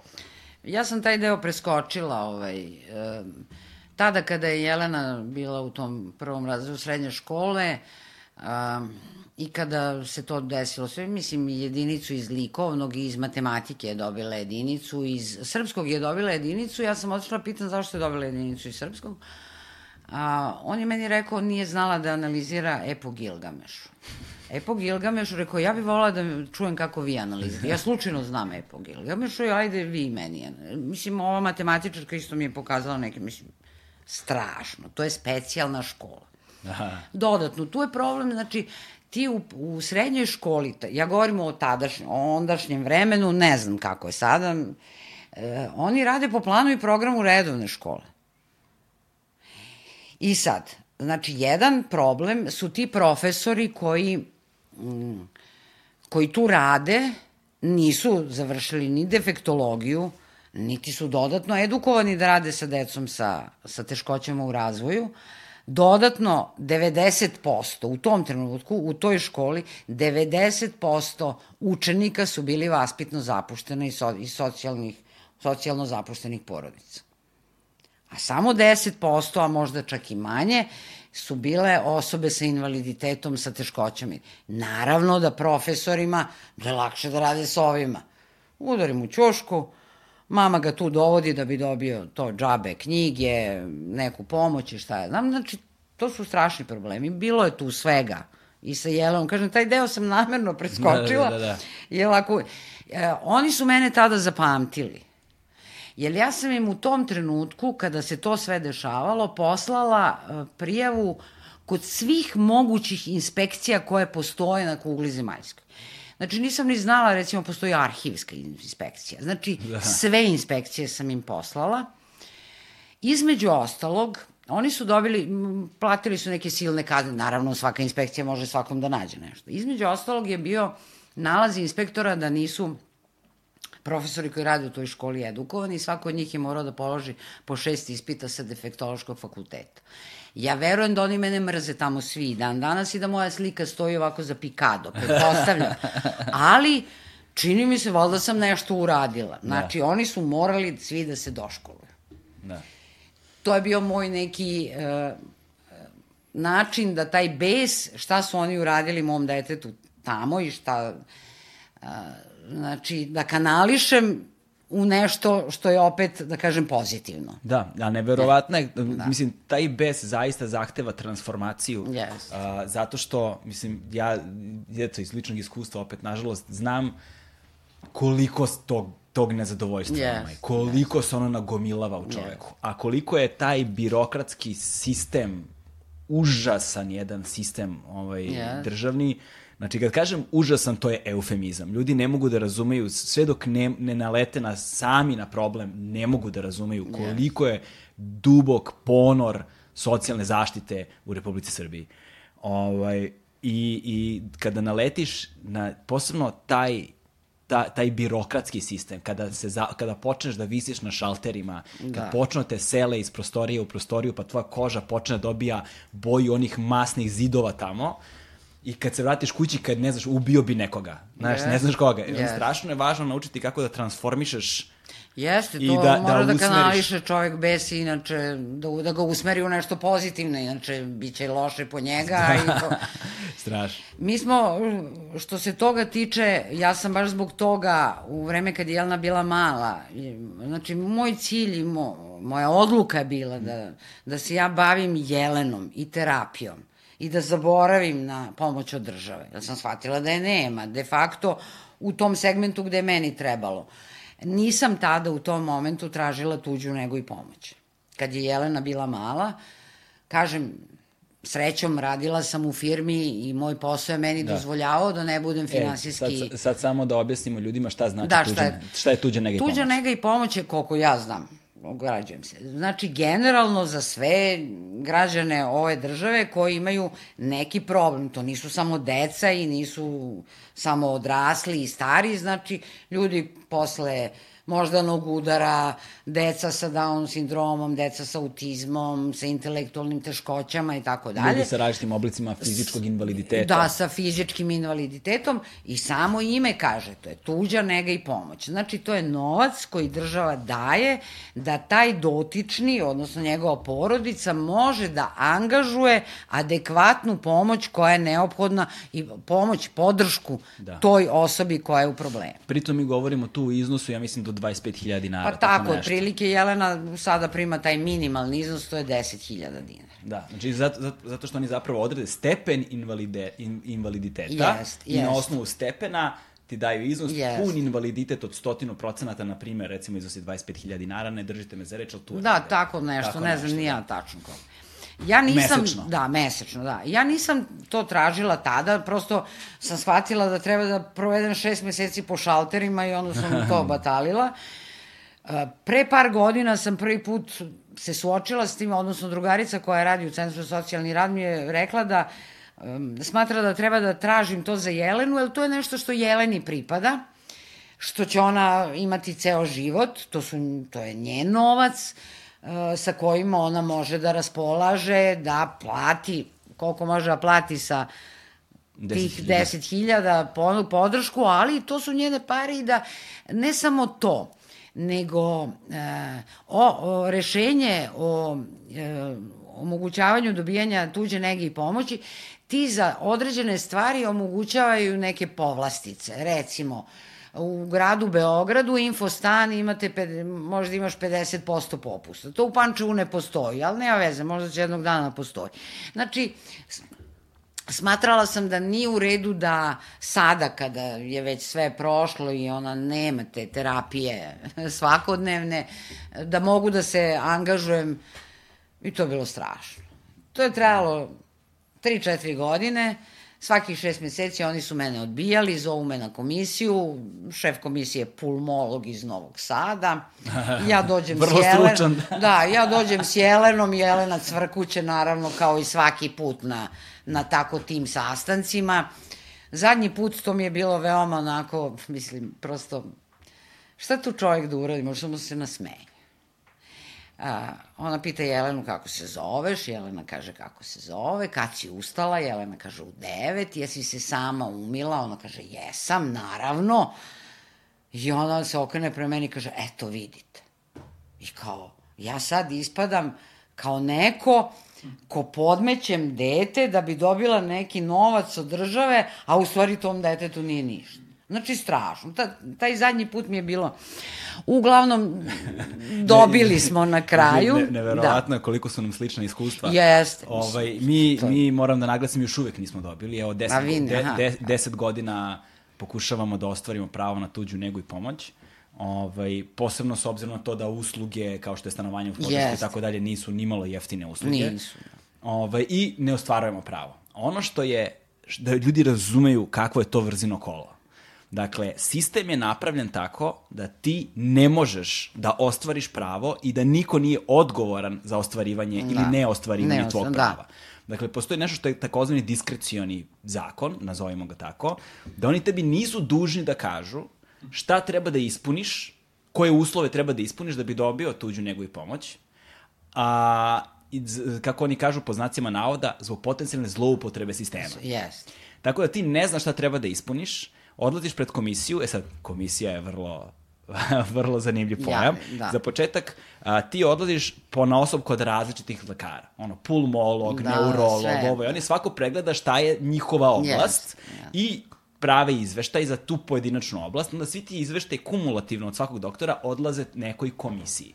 Ti niti znaš koja je komisija, niti od kojih ljudi se ta komisija sasta, sastoji, kada se oni sastaju, gde se oni sastaju, to ništa ne znaš. Ništa. Tebi samo tri meseca od pregleda na kućnu adresu stiže rešenje gde piše, u, u, gde, gde piše ne ostvaruje, bla, bla, Da. obrazloženje zato što ne ispunjava uslove. Uslove, I da. tako neka Da, rečenica. da, jeste, to je... I ti onda odeš da se žališ, oni tebi daju broj i onda za tri meseca ponovo ideš na komisiju i Yes. ideš isti Isti. krug. Dobro, mi smo išli na komisiju. Komisija u Pančevu, bar funkcion, u- odnosno u Vojvodini. Da, da, da. U Vojvodini funkcioniše tako što svakih šest meseci ti možeš da podneseš zahtev, Tako onda te oni zovu na komisiju. Kažem, ta komisija dođe pulmolog iz Novog Sada i još dvoje tu koji sede, koji se nisu ni predstavili. Ja sam insistirala da mi se predstave. Da. Mislim, ako oni znaju ko smo mi, zašto ja ne bi znala ko su oni? Naravno, to ih jako iritira. To, Da, da, to da, sad, da, oni to. se meni predstavljaju ko sam ja da ja tražim da, Da, se oni bezobrazluku predstave. koji se tamo doživljava, to je posebna tako. priča, da. I, znači, nas vidi komisija, ali kad se ja žalim, pa ta komisija u Novom Sadu, pošto mi imamo, znači, sem, e, pošto smo mi u Vojvodini, Pančevo, znači mi imamo lokalno, pa onda imamo pokrajinu, pa tek onda republiku. A onda ja kad se žalim, to ide u pokrajinu, oni nas nisu ni zvali. Od njih smo dobili to tako. Ne može. Zašto ne može? Ne. Znači, šest, tri, četiri godine, ne znam koliko puta sam tražila, na kraju smo dobili, ne znam kako smo dobili, odnosno znam, ali nije sad ni bitno, jasno. ovaj, ali uspeli smo da dobijemo tu minimalnu, mm. 10.000, ali ona sad ima rešenje, naravno tamo, ona nije 100% invalid, Da. E sad, pošto nije 100% invalid, onda masu tih, recimo, a, ne znam, za televiziju, ono, popus što, što ima, to ne može da ostvari zato što nije 100% invalid. Tako da, mislim, ali dobro, eto, ona dobija, to su njene pare, da. to joj pripada. Ne, nagovarali su mi da se žalim, ja stvarno nemam, nemam snage da trošim na... Ostvarila sam joj to osnovno pravo, imaće penziju od mene jedan dan, koja će biti sasvim korektna, da, da. može da živi, to je to. Ali, e, ta borba sa birokratijom, jedna od, jedan od problema je što nam nije precizno definisano ko ima pravo na tuđu negu. I ima jako mnogo zloupotreba. To nije sporno. Mislim, to nam je jasno svima, ja to vidim oko sebe, ja vidim ko prima tuđu negu i pomoć. Da. A ništa mu ne, ne fali, sedi u kafiću. Mislim, da. ali e, naša država generalno a, probleme sa korupcijom, sa a, sa ilegalnim radnjama rešava tako što to svali na, na leđa onih koji nisu koruptivni, koji nisu kriminalci.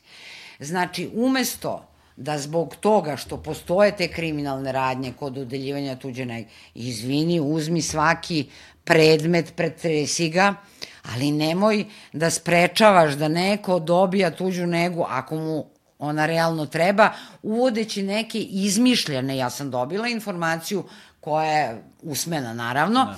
da je tim komisijama zabranjeno sada praktično da daju tuđu negu i pomoć i meni je bilo rečeno što to niste tražili kad vam je bilo vreme. Da. Znači kad je Jelna bila mala. Da, e sad tu dolazimo to do novog mislim. problema gde I, I ovo je zašto mislim da je ovaj razgovor beskreno važan. Posebno osobama koje se sad nalaze u, u tome, koji ulaze tek. Možda osobe koje imaju uh, sada decu... Sad, sa, sa dve, tri godine, godine odmah. Da. da. Dakle, da, raz, da razumeju a, moj veliki problem, a pretpostavljam i tvoj veliki problem, kada se suočiš sa takvim stvarima, jeste što ti ne znaš na šta imaš prava, ne znaš gde yes. da saznaš na šta imaš prava, yes. kome da se obratiš, koga da zoveš, gde da pročitaš. Znaš, I to što vidiš kada bude, one vrlo često teško tum, za tumačenje. Znaš, yeah, znači, posebno yes. ko se nije sretao sa da, da. pravnim jezikom tog tipa, yes. birokratskim jezikom, ti, ne, ti pročitaš stranicu na što imaš prava, ti dalje nemaš pojma na što imaš yes, prava. Yes. Ne. Ovaj, a onda, kako to pravo kako da ostvariš? Kako to ostvariti, yes. Ne, zato što, ono, uvek postoji taj birokratski problem, yes. fali ti ovaj papir, fali ti ono, nemaš ovu potvrdu od ovoga, nema, treba ti ova komisija, da bi dobio komisiju moraš kod onog da ideš, pa ti, pa ti se to ovako pretvori u 10 godina da, da. vucaranja po yes, šalterima yes. kao ništa. I to ljudi nemaju ni energiju za to, nemaju ni vremena, da. moraju da rade, da zarade, da se bave svojim detetom, nemaju vremena da sede po da. šalterima. E, to jeste veliki problem. Svoje vremeno je neko napravio neku, neku knjižicu, brošuricu kao neko uputstvo ko tu šta ima pravo To je naravno promenljivo, zato što se menjaju zakoni, menjaju se i nadležnosti.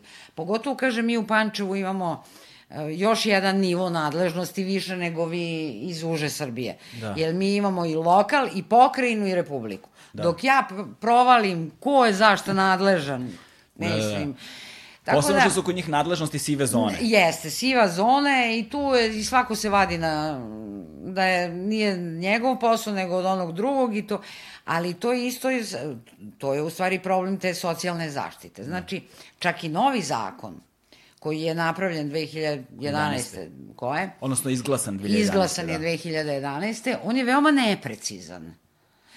Um, on je napravljen po ugledu na neke evropske zakone, tako što su dosta stvari bukvalno samo preveli, koje su potpuno onako prilično neupotrebljive za, za nas.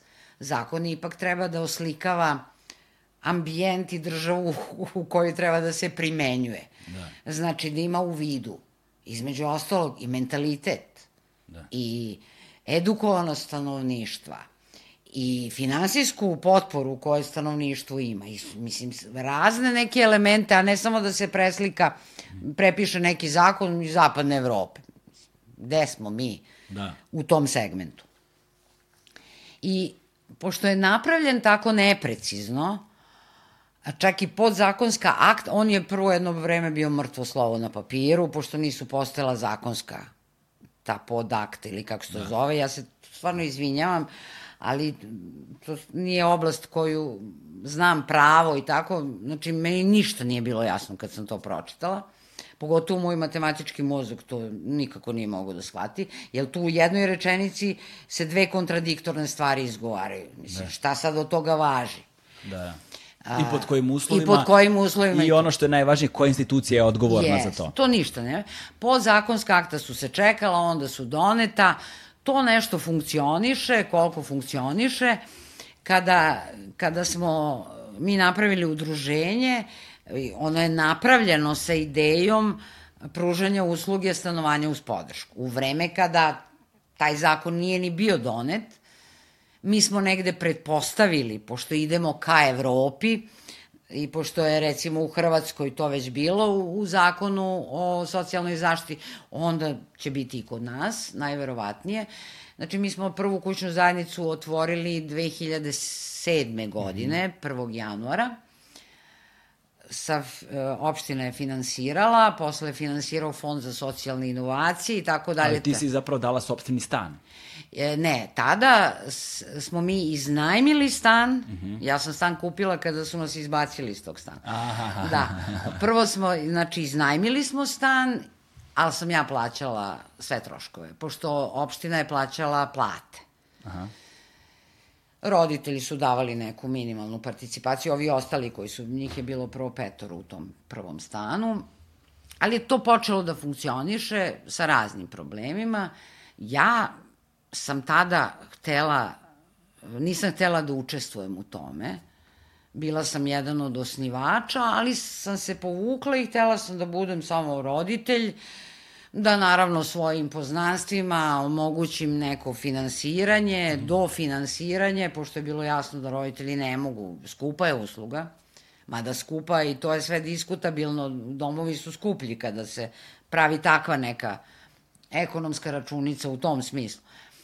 A, I ovaj, tako da, međutim, onda sam videla da tu sad ulazimo u taj tu zonu priče o udruženjima, o tome ko radi u udruženjima, na da. koja način se vode, vode ta udruženja. E, e sad, pre, nego, je, pre, da. pre nego što se upustimo u to, manje bih se bavio time ko vodi, kako ta udruženja, dovoljno je samo da kažemo ljudima da nije samo država problem, nego da, da su da. brojna udruženja, ono, kreirana da bi samo pisali projekte i muzli pare iz evropskih fonda, fondacija da zapravo ništa ne rade kada su krajnji korisnici u pitanju kojima, kojima da, da. je pomoć najneophodnija. Da kažemo samo da stanovanje uz podršku, kad govorimo o visokoj ceni stanovanja uz podršku, mi govorimo da je to visoka cena u odnosu na životni standard Srba, ali ne visoka cena u odnosu na potrebe koje treba da se pruže samim korisnicima te usluge. Znači, njima je zaista neophodna ogromna pomoć od fizioterapije, od nutricionizma, a, preko defektologa, dakle, tu, preko, preko ovih gerontodomaćica, preko službe koja mora tehnički da ih obslužuje. Nisu gerontodomaćice, asistenti podrške. Asistenti, asistenti podrške, pardon, nego da. su gerontodomaćice u Beogradu, pa... I gerontodomaćice rade sa o, starima. Starima, da, znam, ali ih ovde koriste u Beogradu i kao... Ali, da, kao da, da, za da, uz, da, asistent podrške, da, pa ja, molim. Da, da, da, molim, da, budi pa ja, da. Pošto su da, moje iskustva bila, su, mi, nama su dodeljivali zapravo geronto, da, gerontodomaćice, da, da. pa sam ja tako, yes. odnosno geronto služba zapravo zvanično yes. dodeljivala koje su imali... To, ali to je druga vrsta usluge. To je usluga koja se zove pr, tuđa nega, ovaj, zove se pomoć u kući. kući pomoć u kući, koja se, je. po meni, ja moram da se izrazim tako, idiotski zove pomoć u kući, ali pomoć u kući može da ima smisla za, kao za geronto domaćice, da, da, da. za stare ljude gde njima stvarno treba pomoć u kući. Tako je. Da nešto pospremiš, da im skuvaš, kupiš hranu.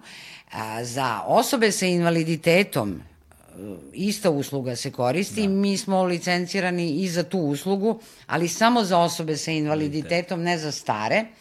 I pružamo tu uslugu recimo u opštini Žitište već 3-4 godine. To nije pomoć u kući u tom smislu, da. da će defektolog da dođe da ti skuva ručak, da. nego da će defektolog da dođe da radi s tvojim detetom. To je, mislim, i zato kažem, idiotski se da. zove pomoć za... u kući, jer to ta, se to tumači drugačije. To je ono što smo kod vas, na, kod, kod vas i naučili. Nije point o tome da ti neko skuva ručak, nego da te nauči da kako te sam da skuvaš yes, ručak. Yes, to je yes, velika razlika. Yes, Mala, velika, ali velika da, razlika. Da, da, yes. E, i ovaj... Dakle, da ne ulazimo sad u to kakve su te organizacije i tako dalje, ali je važno samo da razumemo šta je taj uh, novi zakon star skoro 10 godina da, da, da. ovaj, zapravo doneo u kategorizaciji jedna od ključnih promena tog zakona bilo. Pa jedna od ključnih promena je bila, uh, bilo otvaranje ka tržištu. Da. To je za mene ključna promena. I to mi nismo shvatili do dana današnjeg. I to je ključni problem. Jedan od ključnih problema. Da, da. Znači, socijalne usluge do tog zakona su bile na neki način a, obaveza države i država se bavila time. Ovim zakonom je omogućeno da tržište, odnosno da privatnici u formi firme, znači kako se to zove, DD, nije DD, društvo s ograničenom Da, da. DOO. DOO ili preduzetnici ili udruženja ili državne neke institucije. Udruženja građana ili roditelja, Udruženja građana. Znači, NVO sektor. Da. Znači, otvoren je uh, usluge socijalne zaštite počeo od 2011. godine mogu da pružaju svi na otvorenom tržištu. Znači, nije, do tada su usluge socijalne zaštite bile pružane samo i isključivo od strane državnih institucija. Domova koji su bili državno vlasništvo, dnevnih boravaka koji su bili državno vlasništvo. E sad, znači mi smo se otvorili ka tržištu, doneli smo, ali tek kasnije, podzakonska akta na koji način onaj ko hoće da pruža usluge socijalne zaštite ima pravo da ih pruža. Znači, doneli smo taj pravilnik o licenciranju i onda je to kao krenulo. Krenulo je u segmentima otvaranja domova za stare, koji su i postojali ranije privatno, samo sad su se kao licencirali. Onda su privatnici krenuli da pružaju tu uslugu pomoć u kući za stare, znači to naprave agenciju i pružaju tu uslugu. Neka udruženja su se usudila da otvore dnevne boravke i to je otprilike bilo to. Zakon je rekao, domovi za decu i omladinu i odrasle sa intelektualnim teškoćama moraju da se transformišu u kućne zajednice. Tako. E sad, tu je važno da pomenemo da je ta kategorizacija sa promenom zakona a, donala jednu ključnu ključnu stvar, veoma važnu. Ranije je kategorizacija bila kolektivna. Ono, znači, vi sa Downovim sindromom, svi isto.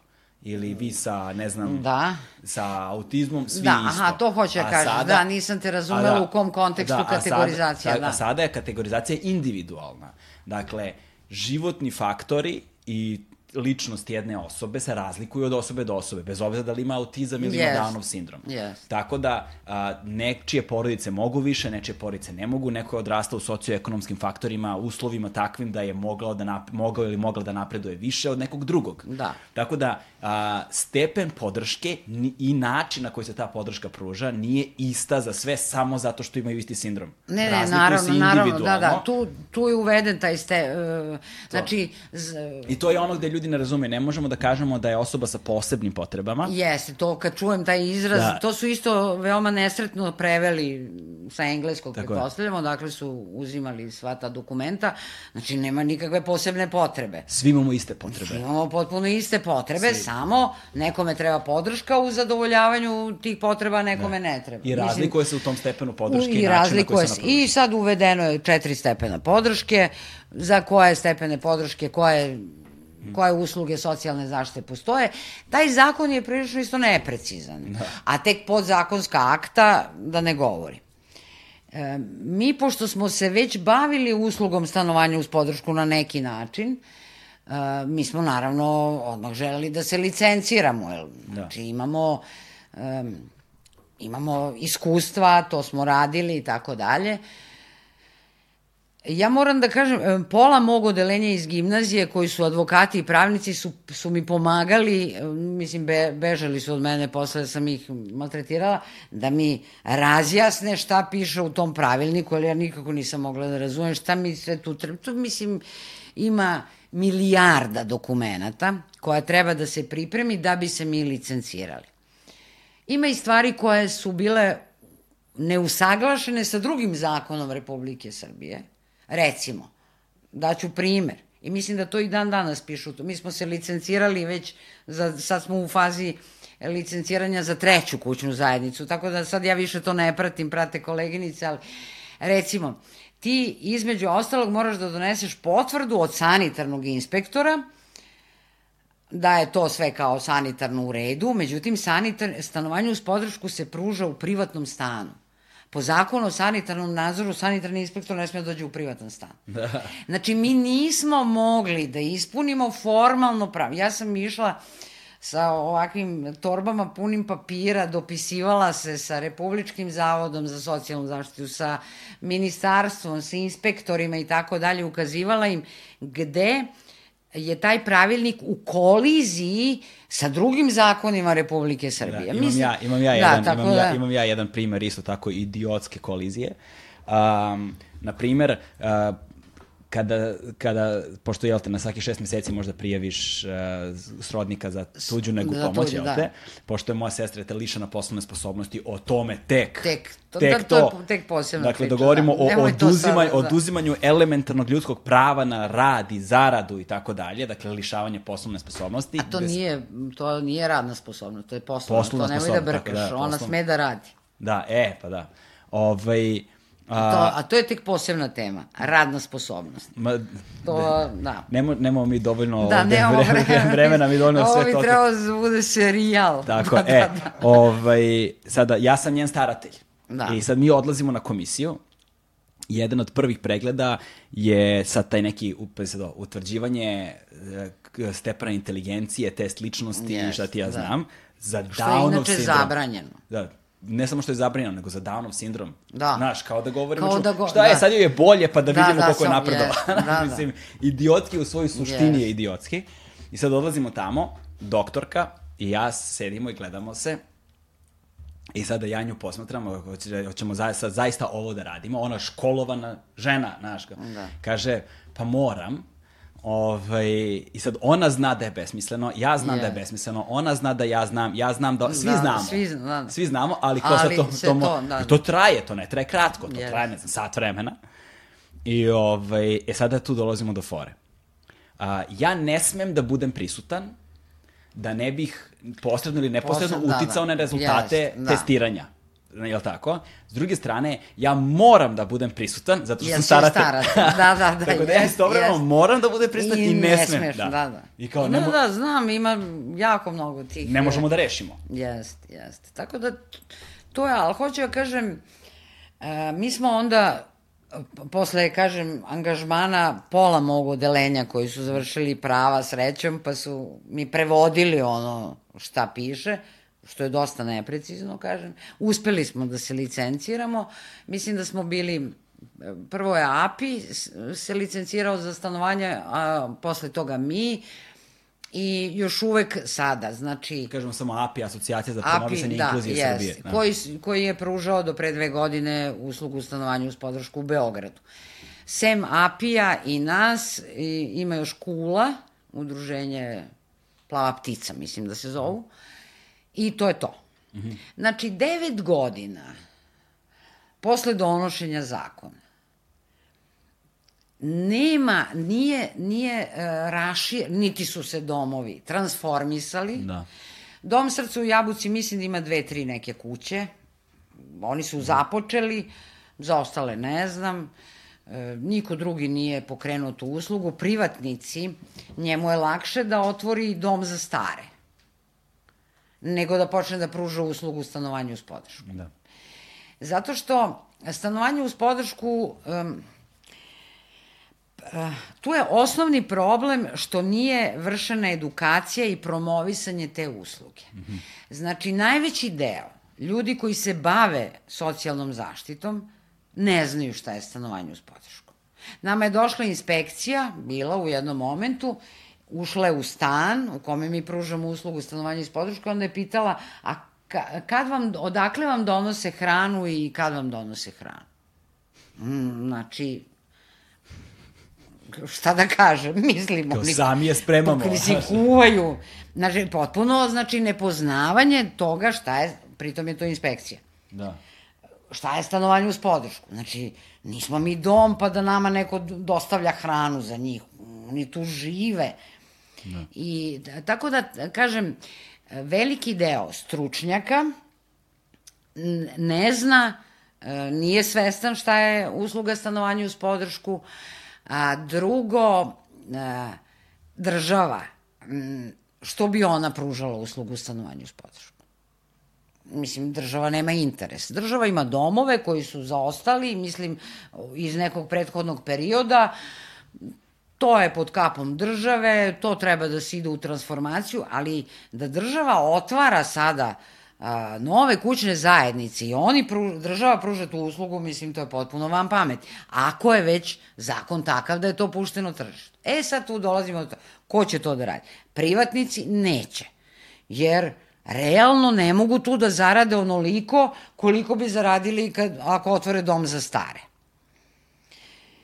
A, udruženja. Udruženja, razna udruženja postoje i uglavnom su a, udruženja koja se bave osobama sa invaliditetom generalno su neka zaostavština iz prošlosti koja su formirana po medicinskom modelu. Znači imamo udruženje za autizam, po medicinskom modelu u smislu dijagnoze. Znači imamo udruženje za autizam, udruženje za Down sindrom, udruženje MNRO, to kad čujem to isto, to je mentalno nedovoljno neš, nešto. Da, da, to postoji čak i savez, pa onda imaš udruženje za retov sindrom, znači postoje ta neka udruženja koja traju ovde decenijama, ali koja su formirana po medicinskom modelu. Ta udruženja uglavnom vode roditelji, kojima je to na neki način jedini posao. Znači, njima je to izvor prihoda, kažem najvećim delom, ne da. kažem uvek. E, ali to im je, znači, postalo zanimanje. I oni se nekako utope u, u celu tu priču, oni gledaju neke lične interese, da reše problem direktan svog deteta, dnevni boravci, ovo ono, nema veze, kad ja umrem, ići će u dom i to su, mislim, takvi. Ili ići će u starački dom sa mnom i to, mislim, ja to kad čujem tako, ali I ima nekih udruženja koje su napravili stručnjaci, koje opet um, ne, biraju da se bave nekom drugom vrstom usluga socijalne zaštite, jer stanovanje uz podršku je užasno zahtevna usluga. Znači, da eliminišemo finansijski segment, ono je užasno zahtevna usluga. Ti sad treba da organizuješ da četvoro ili petoro ljudi žive zajedno, Pa ti se sa tvojom ženom posvađaš najmanje pet puta u, u, u toku nedelje, verovatno. Da. Ako ste normalni, da, da, da, delujete da, da. mi da ste normalni. Znači, ti treba pet osoba, četiri, pet osoba, koje su odrastale verovatno u različitim okolnostima, imaju različite navike, imaju različite probleme, imaju različitu e, funkcionalnost i motoričku i kakvu god hoćeš. Ti treba da ih organizuješ da oni žive zajedno. Dodatno, asistenti podrške moraju da budu edukovani kako sa njima da se ponašaju. Znači, ne mogu da se ponašaju uh, tako da, kao da su oni mala deca, pa sve će za njih da rade, nego samo treba da im daju podršku. Znači, oni moraju sami da kuvaju, moraju sami da idu u radnju, moraju sami da peru veš, da peglaju. A asistent podrške je tu da ih usmerava... Da asistira. Asistira, samo ime mu da, kaže. Da, da jako je zahtevna usluga i koliko god da ona košta, ona bi trebalo da košta još duplo toliko za angažman koji ti ljudi, znači ti tu moraš da imaš i defektologa koji s vremena na vreme vrši procenu, pa kada dođe novi prilagođavanje, pa misli, a dodatni problem roditelji ili braća i sestre. Znači ja sam imala, ja to stalno spominjem, jer to je za mene krajnje onako, e, mislim, plastično, plastično opisuje koje, sa kojim problemima se sve mi suočavamo. U toj prvoj kućnoj zajednici e, majka jedna je mene napala zašto sam ja predložila asistentima podrške da u jelovnik stave sočivo. Ja i dan danas ne razumem zašto sa fali sočivu. Ja, mislim, no. tako da, znači, počev od tih problema gde roditelji a, oni kao daju dete, a taj izraz dati dete, to je isto nešto što kao, to meni se spočitava, lako je tebi, ona ona je dala dete. Kao, ja sam sad dala dete. Mislim, da sam dala, ona ima 34 godine, treba da živi sama, što da. bi živjela sama. Ali, hoću ja kažem, počeo od tog nekog neprirodnog, prezaštićenog odnosa, gde roditelji e, dovedu dete da koristi uslugu, a onda insistiraju na tome da 24 sata budu prisutni, uključeni u njen život, odlučuju o tome šta će da jede, do, ne znam, da li će da ide u šetnju ili šta će da obuče, to ja imam taj, da. ja nekad intervenišem oko oblačenja, ali dobro, uh, znači meni je to jasno, ali moraš da radiš na sebi da, ja. da, da, da ne maltretiš. Tako da, ta usluga, kažem, je užasno zahtevna za sve učesnike, pa i za te roditelje kojima nije lako. Ja sam tada ponovo išla na psihoterapiju da bi sebi olakšala taj proces razdvajanja, da tako da. kažem. Meni je racionalno bilo jasno da je okej okay da ona živi bez mene. Da. Odrasla je, treba da živi u svom ambijentu, šta će ona se druži s mojim društvom, ona ima svoje društvo. Da. I tako da. I meni je sve to racionalno bilo jasno, ali ja sam tu imala da. taj Kako problem. se kaže, uh, emocije se ne mere aršinima logike. Jeste, jeste. Znači. Tako da sam morala isto da tražim tada pomoć u tom periodu, ali nekako smo to pregurale. O, ono što je važno meni beskreno da, da ljudi razumeju kada govorimo o stanovanju uz podršku. Dakle, prva stvar koju ljudi moraju da razumeju u vezi sa domovima jeste kakvi su uslovi u domovima. U domovima su jezivi uslovi. Jezivi. Jezivi uslovi. Druga stvar koja postoji u domovima a, jeste oduzimanje privatnosti bilo kakve. Yes. Rad, bilo kakav napredak, psihofizički, emocionalni na bilo kom nivou a, da ne govorimo o, o, o zlostavljanjima, o fizičkom nasilju, da ne govorimo o tome za sad tu postoje, postoje osobe koje su umerenog a, stepena a, intelektualnih smetnji i tako dalje, koje kada pustiš na ulicu, jed, ono, funkcionišu, mogu da kupe, yes. do, ali su naivne i lake yes. mete. Yes. Seksualnom zlostavljanju da, da. zloupotrebi žena sa, sa intelektualnim smetnjama. Znači, Sve taj, taj tamni vilajet je jezik. Yes. Ono što je u, u to novim zakonom predviđeno, dakle, s jednom stranom reformi, reformom tih domova, yes. što se ne dešava, ne. s druge strane zaustavljeno je kao primanje u domove, jer ono je u domovima za, ne znam, kapacetom od 100 ljudi imaju 350 da. njih, među kojima su i psihoze, i epilepsije, i znači svašta nešto da, što da, ne bi sve, trebalo yes. tu da pripada uopšte. Yeah. Tako se tu svašta dešava, i vaspitno zapostavljena deca, i svašta nešto. Uh, Ovaj, a kada, onda, ljudi, onda se koristi ta čuvena reč inkluzija. Inkluzivno društvo. Inklu, ljudi ne razumeju da je inkluzivna dvosmer, da inkluzija dvosmerna ulica. Yes. Ne treba samo osposobiti osobe sa smetnjama. Treba edukovati tipičnu populaciju Naravno, pa. da je znači da da postoje osobe sa smetnjama i kako se odnositi yes. prema njima. Dakle, kako se ljudi ponašaju kada vide osobu sa Downovim sindromom u prodavnici Da, da. To je sad jedna posebna kategorija. Mislim. I ono što je najvažnije, pošto je sada počinju na određenim krugovima se priča o tom čuvenom stanovanju s podršku, vidim na koji način pokušavaju da ga organizuju u Beogradu. Prvo su oduzeli sve stanove, ova nova, ova vlast, no, nova, znači kako je, došla, kako je došla ova vlast, oduzeli su im sve stanove, izbacili ih na ulicu, vratili u domove, znači posle 14 godina samostalnog života, što je horor, što nigde nijedan naslov nije postojao. Ovaj, jeste da sad oni hoće da im organizuju inkluziju kao stanovanje uz podršku, ali da ih smeste u neko selo pored Beograda. Znaš, da, čula sam i ja nešto o tome. Kakva je to inkluzija? Ali, da. To je isto da- getoizacija. Da, samo da se vratimo na ovo. Ja se da. sećam kad smo mi prvi stan iznajmili u Pančevu, prvo nama niko nije hteo da iznajmljuje stanove, zato sam ja na kraju i kupila stan. Mm. Ovaj, um, kad smo prvi stan iznajmili u Pančevu za tu pripremu, priprema je bila svaki dan od 4 popodne do 10 uveče, jedna starija gospođa, baka jedna, je mene sačekala u ulazu i rekla mi, jo, šta ste mi doveli ove u zgradu, onako s jednim, mislim, ja sam bila potpuno zaprepašćena. S jednim užasavanjem. Da, Da bi ona posle dva meseca, kad ih je upoznala i sve, pravila im kolače, nosila im kolače, šta znam, mislim, bakte. Znači, jedno neznanje koje a priori, naravno, kod svakog od nas, kad nešto ne znamo, izaziva jedan otpor i otklon.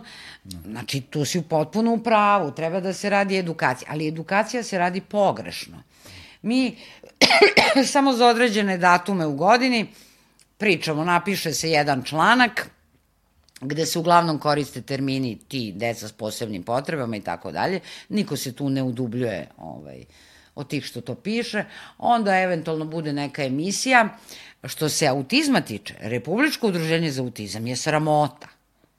Gospođa Vesna Petrović je, ili već kako se zove, mislim da se tako zove, izvinjavam se ako sam pogrešila, ovaj, znači ona je godinama na čelu. To, to je Republičko udruženje za autizam.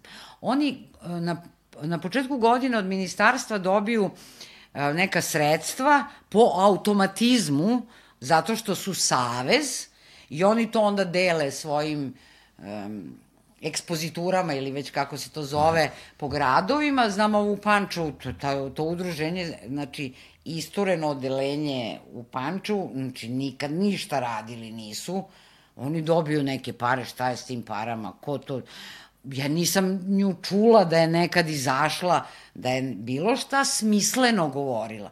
Uglavnom govori ono što se sviđa trenutnoj vlasti ovoj i prethodnoj i prethodnoj da. i prethodnoj. Znači, nije samo vezana za ovu, nego za sve. I to tako funkcioniše. Znači, ti, pa onda postoji taj savez MNRO. To je savez tih udruženja i oni isto početkom godinu dobiju neke pare, da. tako, a priori, kao za neke njihove programe. Šta Ali to je, to je fascinantno. Dobijaju novac za osobe sa autizmom, a mi ne znamo koliko ima osoba sa autizmom. Da, to je posebna, Znaš, to je posebna na, tema, na jeste. Na osnovu čega dobijaju novac, na osnovu koje brojke, na osnovu kog podatka yes. dobija od, određena količina novca? Ko, yes. mislim... Ja sam pitala to gospodina, ovaj, nije ni važno kako se zove, predsednik udruženja Autizam u Pančevu, da. znači istureno odelenje tog republičkog, koji ima sina koji je, ovaj, ima autizam. Pitala sam ga koliko vi imate članova? Mislim, ko su ti ljudi? Jel imate neki spisak? Pa kao ima on jedno deseta, kao što ti nećeš da učlaniš svoje dete. Pa mislim, što bi učlanila? Šta, šta mi imamo? Jel vi imate neke akcije, jel vi nešto pomažete tim roditeljima? Zašto ste vi osnovani? Mi, Udruženje na pola puta. Mi smo osnovani zato što hoćemo da pružamo uslugu stanovanju uz podršku. Nama je strategija osnivanja i koncept osnivanja bio jasan.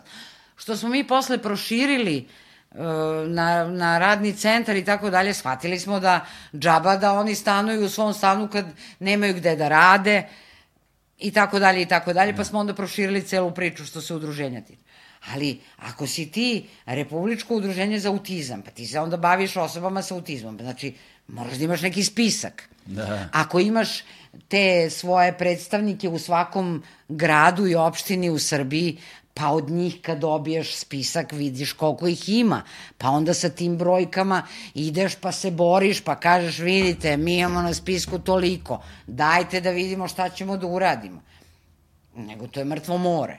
Znači oni dobiju te neke pare, šta oni rade s tim parama, ja ne znam, da. mislim, neću da ulazim u to, ali, e, kažem, to je problem. E, e, ideja osnivanja nečega, ona treba da bude jasno definisana.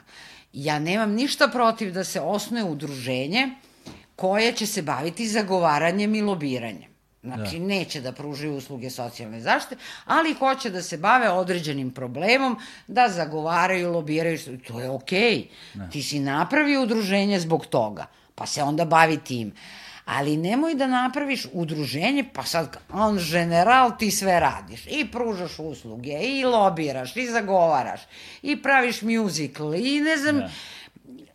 E tu je sad još jedan problem kada govorimo o toj inkluziji, kada govorimo o tim danima, ne znam, svetski dan Downovog sindroma ili šta yes. god, i onda se nešto priča, fore u tome, ono, daju im kačkete, majice, neke rokovnike, dovedu ih u nekoj nošnji da igraju u jutarnjem programu i doviđenja. Yes. Znaš, i onda a, prvo slika koja se prikazuje o njima je užasno, po... užasna, pogrešna. Druga stvar je što se, obi, što se negde kolokvijalno u svesti ljudi zbog takvog pristupa ovaj, svi oni doživljavaju kao deca. Uvek yeah, su da, deca. Da, deca, Uvek da. su deca i odnose se prema yes. njima kao prema deci, yes. pre, kao prema dečijim potrebama i tako dalje. Yes. Ne, ne, ne, ne, ne. Postoje deca, da, ali postoje i odrasli ljudi. Yes. Isto tako. Postoje odrasli ljudi koji imaju potrebe kao i bilo koja druga odrasla osoba.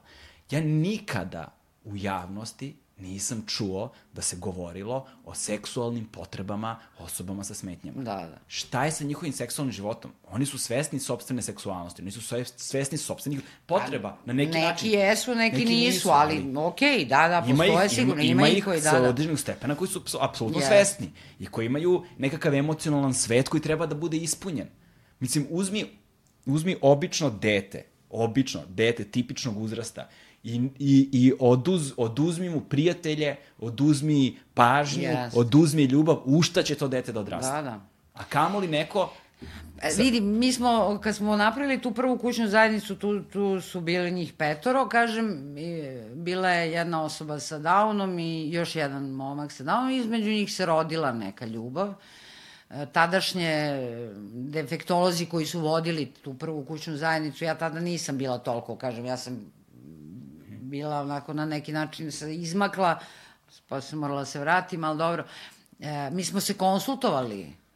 Oni su, znam, iz priče, govorili su mi da su išli da se konsultuju sa raznim stručnjacima, na koji način ta njihova emotivna veza sada može da se uh, kanališe, da, da dokle ići da. i tako dalje. Tako da, i, i tada sam recimo shvatila da je to na neki način tabu tema. Zašto je tabu tema? Mislim, da. ne bi trebalo da bude tabu tema. U 21. vek seksualna revolucija završena još prošle, prošlog veka, da, tako? Da, da. Mislim, zašto bi sad oni bili izuzeti iz toga? Kažem... Znači, to je, to je ono, znaš, kao ima, izgleda smo svi ravnopravni s time da su jedni ravnopravni, ravnopravni od drugih. Ravnopravni, jest. I mi nemamo stručnjake ovde kod nas i dalje koji se bave time na taj način. Da. Um, mi smo recimo kućne zajednice koje imamo uh, uglavnom uh, jedna je uh, sve su devojke, a druge dve su pola-pola. Mm -hmm. Znači imamo i muške i ženske. Tu nema između njih e, neke emocionalne ili seksualne privlačnosti koliko mi procenjujemo. I tu, mislim, to se prati naravno. Da. Ali kažem ti, kad bi imali takav problem, mi ne bi imali sa kim da razgovara. Odnosno, možda bi imali, ali ne znamo da. za njega. Za njega, nju. Nekoga da. ko se bavi isključivo time. Uh, Tako da je to isto još jedna od tabu tema koja je... Potpunih nepoznanica u našem Potpuno, društvu. Da, ali ono što je, e, malo pre sam rekla, mi smo se osnovali i nama u prvom statutu i piše da ćemo se baviti stanovanjem uz podršku. Veoma je eksplicitno i jasno. Međutim, mi smo kasnije menjali statut jer smo shvatili da to što smo mi njima omogućili da oni žive sami uz podršku i tako. I šta sad? Oni žive. Treba negde i da rade. Da. Pa treba da se bave sportom. Pa treba ovo, treba ovo. I onda smo shvatili da mi, recimo, ja govorim o Pančevu, ali 99% da je i u, drugom, u drugim gradovima tako, ako ne i mnogo gore. Onda smo, pa prva od stvari je bila neki su od naših išli u dnevni boravak, taj malo pre pomenut, pančevački, onda sam shvatila, onda smo, da, da je to nije funkcionalno, da se tako izrazim, onda smo napravili radni centar. Mi ga zovemo radni centar, to još uvek u zakonu nije definisano. Zakon o socijalnoj zaštiti za radni centar kaže biće precizno definisano u zakonu o radu, a u zakonu o radu piše biće precizno definisano u zakonu o socijalnoj zaštiti. I dotle smo stigli, da. Znači, mi to sad vodimo kao radni centar, a u stvari to vodimo kao radno-okupacione aktivnosti. Ne da. smemo da koristimo formalno-pravno termin radni centar, da, da. jer se ne zna ko treba da ga definiše i ko treba da nam da dozvolu. Da. Znači, I za razliku od dnevnog, dnevnih boravaka, e, naši članovi tamo rade nešto, prave neke, imaju i pravi šalove i dekupaži, šta ja znam, nešto prodaju, od toga se pokrivaju neki troškovi, imaju neki radni angažman i dodatno u toj sferi e, radnih aktivnosti mi stalno konkurišemo na te javne radove, zapošljavamo naše članove koji nemaju oduzetu radnu sposobnost, zapošljavamo ih ili mi ili imamo dobru, odličnu saradnju sa Zelenilom, JKP Zelenil u Panču, oni svaki put zaposle nekog po, po osnovu tih javnih radova, ali to je sve, kako da kažem, ad hoc, traje 3-4 meseca i da. posle opet I sve ništa. to od slučaja do slučaja, od, od osobe do osobe. Do slučaja, yes. Ne postoji ništa principijelno i ne postoji yes. ništa krovno da kaže da dugoročno pokriva yes. trajno vaš problem, odnosno naš problem. Yes. E sad, ono što ja hoću takođe da na, naglasim u ovom trenutku važno je, moja sestra živi ovaj, u okviru Naše stanovanja, tako, jedne od vaših kućnih zajednica, u Pančevu, iako smo mi iz Beograda. Zašto? Zato što na teritoriji grada Beograda su sve usluge ukinute. Ne postoji trenutno ni jedan pružalac usluge stanovanja uz podršku u glavnom gradu naše države, da. najvećem, 2 miliona stanovnika, ne postoji ni jedan pružalac usluge, to je jedna stvar. Druga stvar, postoje druge usluge za koje takođe ne postoji ni jedan pružalac, tipa podignuta je zgrada za predah uslugu. Da. Recimo, za one koji ne znaju, dakle, predah usluga ukoliko imate srodnika nekoga, ukoliko ste staratelj nekome uh, sa nekakvom vrstom uh, smetnji, teškoće, invaliditeta, ovaj, i imate neku hitnu obavezu da morate da otputujete 3-4 dana, ne znam, neki poslovni sastanak ili šta god, predah usluga služi upravo tome gde stručno osoblje sa adekvatnom opremom i tako dalje, u adekvatnim prostorima vodi računa na adekvatan način o, o toj osobi, ako se vi ne vratite. Eno je zgrada, podignuta, opremljena. A dobro, za... ja sam čula, recimo, neko mi je rekao da je koristio uslugu tu. Sad ne, ne znam ja kad. Ja znam da je ta zgrada zaključana, da. već četiri godine nema upotrebnu dozvolu. Ne, ne, ko, počeli su da koriste, neko mi je rekao ne mogu da se setim ko, ali neko mi je rekao da je počeo da koristi. Aha, to je onda nešto da, da. skoro da. možda se desilo. Ali, ali stvari u tome da sve te brojne usluge, yes. ja sam saznao za usluge o socijalnoj zaštiti tako što sam otišao na Google i ukucao usluge o socijalnoj zaštiti Beograd i onda ti izađu stranice, yes. da ti dokumenti, ti pročitaš i ti kad vidiš šta sve od usluga postoji zakonom određeno, da, da.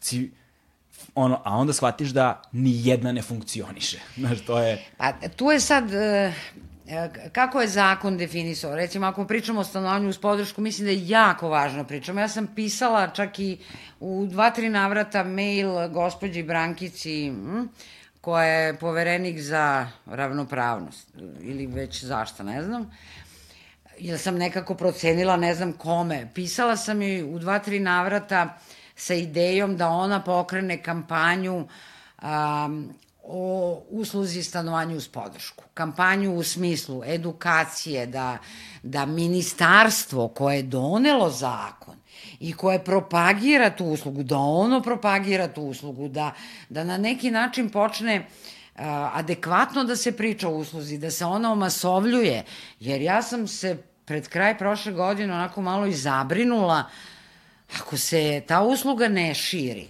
Da Mislim, na kraju će neko iz ministarstva da kaže, pa čekaj, šta sad, samo u Pančevo i u Kuli? Pa nama to ne treba. Da.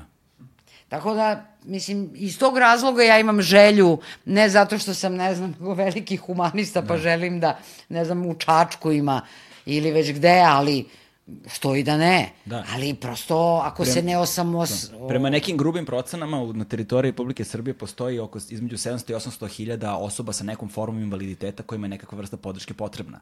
Dakle, mi ovde ne govorimo samo o osobama sa, ne znam, intelektualnim smetnjama ili sa nekakvim sindromom. Mi govorimo o tome da koliko puta ste otišli negde i videli osobu paraplegičara u kolicima da radi na nekom radnom mestu. Koliko puta ste videli slepu ili slabovidu osobu ne pamtim da sam video. A da, da. kamoli, oni su ka, izolovani, yes. kamoli... A stanovanje uz podršku, sam moram da napomenem, um, obuhvata i te kategorije. Da. Znači, stanovanje uz podršku nije samo eksplicite za osobe sa autizmom, Down sindromom i intelektualnim teškoćama. Da. Stanovanje uz podršku je za sve osobe sa invaliditetom kojima treba podrška u čak u Italiji se recimo stanovanje uz podršku pruža i psihijatrijskim bolesnicima znači da. nije to uh, I stanovanje uz podršku se pruža i osobama mladima koji izađu e, bez roditeljskog staranja koji napune 18 godina, da, ali to da. je sad posebna tema. Ali šta je problem ove usluge? Zakon je rekao sledeće, postoji 4-5, sad ja ne znam, zaborila sam, ne znam, Beograd, Pančevo, Novi Sad, Kragujevac, recimo, nisam sigurna. Možda Niš. Niš, da. Oni moraju iz svog budžeta da finansiraju uslugu stanovanja uz podršku. Ostale opštine i gradovi koji spadaju u tu neku nižu kategoriju... Ni... Zapravo mi govorimo o st, ekonomskim O kategorijama. ekonomskim kategorijama, je. znači sve, svi gradovi i opštine su podeljene po nekim ekonomskim kategorijama, za tu naj bajde, uslovno rečeno najbogatiju kategoriju gde spada i Pančo. Znači, zakon kaže da stanovanju s podršku treba ta lokalna samouprava da finansira. Ostalo treba da finansiraju, finansira Republika, ne. recimo kao ne znam, u žitištu što Republika finansira pružanje usluge pomoć u kući, koju mi radimo. Znači, s jedne strane, a, to je prilično precizno definisano, ko tu treba to da finansira. Ali, ko treba da pruža tu uslugu? Ministarstvo, uz sve moje primetbe kako se ponašaju i tako dalje i kakav je zakon, ministarstvo, ministarstvo je svoj deo posla završilo. Oni su napravili zakon i pravilnik. I šta sad? Sad treba neko to da radi. Ko je taj? E, znači, ako je udruženje, mislim, po, počinjali su u Subotici, u Kanjiži, u Vlasotincu, ne znam, počinjali, ljudi ne shvataju koliko energije, oni misle to tako preko noći, samo su pare bitne. Mislim, jesu pare bitne, jer to mora da se finansira, ali užasno mnogo truda i rada i energije i angažmana treba da bi ta usluga zaživela. Ja sam jako ponosna na, na svoje saradnike koje, koji rade to i, i oni sad na neki način, ja sam se izmakla već i oni to rade na, i na širenju i tako. Užasno sam ponosna, svaka im čast. To su mladi ljudi, školovani, posvećeni sa minimalnim primanjima. Da. Moram da napomenem da, da je to. Ali, znači, ali opština ili ne znam ko ili ti roditelji koji samo kukaju nešto, ja gledam ponekad, izbegavam, ali gledam ponekad, ta neka udruženja koja daju intervju i tako, e, ova država ništa ne čini. Pa država je uradila što je trebala da uradi. Mislim, što se e, tiče usluga, ako pričamo o uslugu i stanovanju s podršku, država je, minist, ne država, ministarstvo je svoj deo posla uradilo. Lokalne samouprave mogu jedino pod pritiskom građana da promene odluku o vrsti, znači svaka lokalna samouprava ima slobodu da definiše koje usluge socijalne zaštite će finansirati. Tu sad ide to lobiranje, zagovaranje i šta znam, znači pod pritiskom građana određene, ne znam, u Kanjiži, Subotici, ne znam, Kruševcu, gde, ta lokalna samuprava mora da stavi stanovanje uz podršku u pravilnik. U Beogradu usput budi rečeno postoji. Da. Znači, to sam proveravala zbog nekog od vas, ne znam. I u Pančevu postoji. I nigde više ne postoji. Ali to, to mislim, ljudi treba da budu svesni da Ja sam čuo da u Novom Sadu postoji stanovanje uz podršku. E, pa to pruža e, Šoso, da, taj, mm. da, jeste, njih sam zaboravila, to je u okviru škole, ali dobro, okej, okay, oni pružaju ni jedna lokalna samuprava na kugli zemaljskoj neće tako sama od sebe, eto, tako je sedeo, pa mu je palo na pamet da promeni odluku o socijalnoj zaštiti. Pa to mora da bude pritisak neči, neko da prepozna, da, da insistira na tome i tako dalje. Znači, to je isključivo krivica roditelja i stručnjaka koji žele da se bave time. To, to nema, znači, kakva Amerika, pa neće sad onaj da sedi tamo gradonačelnik, ne znam, San Francisco, a sad baš mi je palo na pamet da ubacim stanovanje uz područje. Da. Pa, mislim, tako i kod nas isto. Znači, jedino, kako je u Pančevu ubačeno, tako što smo mi vršili pritisak. Da. Nije to nikome palo na pamet. E, ali tu dolazimo do te borbe za koju da bi se ljudi okupili neophodno je prvo da se, da se bavimo tom destigmatizacijom a, problema sa kojim se porodice suočavaju i da se porodice shvate da imaju prava na puno toga i da to pravo moraju da traže. Znaš, je sada kako da se oni udruže, kako da. da traže i kako da se raširi to da građani, dakle da oni koji nemaju u svojoj porodici nekoga sa problemom, nego da, eto, oni kao građani iz solidarnosti to prema neće. svojim sugrađanima. Mislim, to još uvek nismo došli Pa da. do tog nivoa. Kakvi, daleko Čak ni mi u Pančevu, koje, znači mi pružamo uslugu u stanovanju uz podršku od 2006. Od 2006. Mi smo uh, u gradskom budžetu od 2009. ili 10. Finansiramo se preko zakona o javnim nabavkama. Znači sve je legi artis. Naši korisnici, članovi, ukućani naši iz kućnih zajednica, Pančevo je relativno mali grad, njih svi znaju. Znači tu, e, mi smo razbili tu barijeru donekle. Ali i dalje, kada treba da iznajmimo stan, mi imamo dve opcije. Ili kažu, jao, nemojte baš vama, ili kao, pa dobro, može vama, ali onda malo skuplje. Kao zato što će to da utiče na ostale stanare u zgradi. Znači i dalje, u Pančevu, koje je vojvođanski grad, koje je urban prilično grad, koji ima, imalo, imao je industriju jaku, što znači tu ima dosta školovanih ljudi i tako dalje. U tom kontekstu govorim da je urban grad, gde naši ukućani i naši članovi su vidljivi već 14-15 godina. Mi dalje imamo to kod iznajmljivanja kad Da. da. trebam da iznajmimo stan. Zašto? Zato što većina roditelja koji imaju kapacitete u smislu obrazovanja i intelekta i socijalnih interakcija kriju svoje dete i neće da se eksponiraju o, i da govore o tom problemu, o svom ličnom problemu, o... a ovaj drugi deo roditelja koji možda i hoće, i ne možda, nego hoće i tako dalje, da se bori, oni nemaju. Ni, nisu dovoljno obrazovani, nemaju dovoljno kapaciteta, nemaju dovoljno socijalne interakcije i onda se njihova priča svodi baš zbog toga što ne znaju to lepo da upakuju. Njihova priča se svodi, jao jada, no, mislim. Mi, Da. Tako da, jako je kompleksan problem. E, ali po meni ministarstvo šta treba da uradi? Još. Sem što je donelo zakon.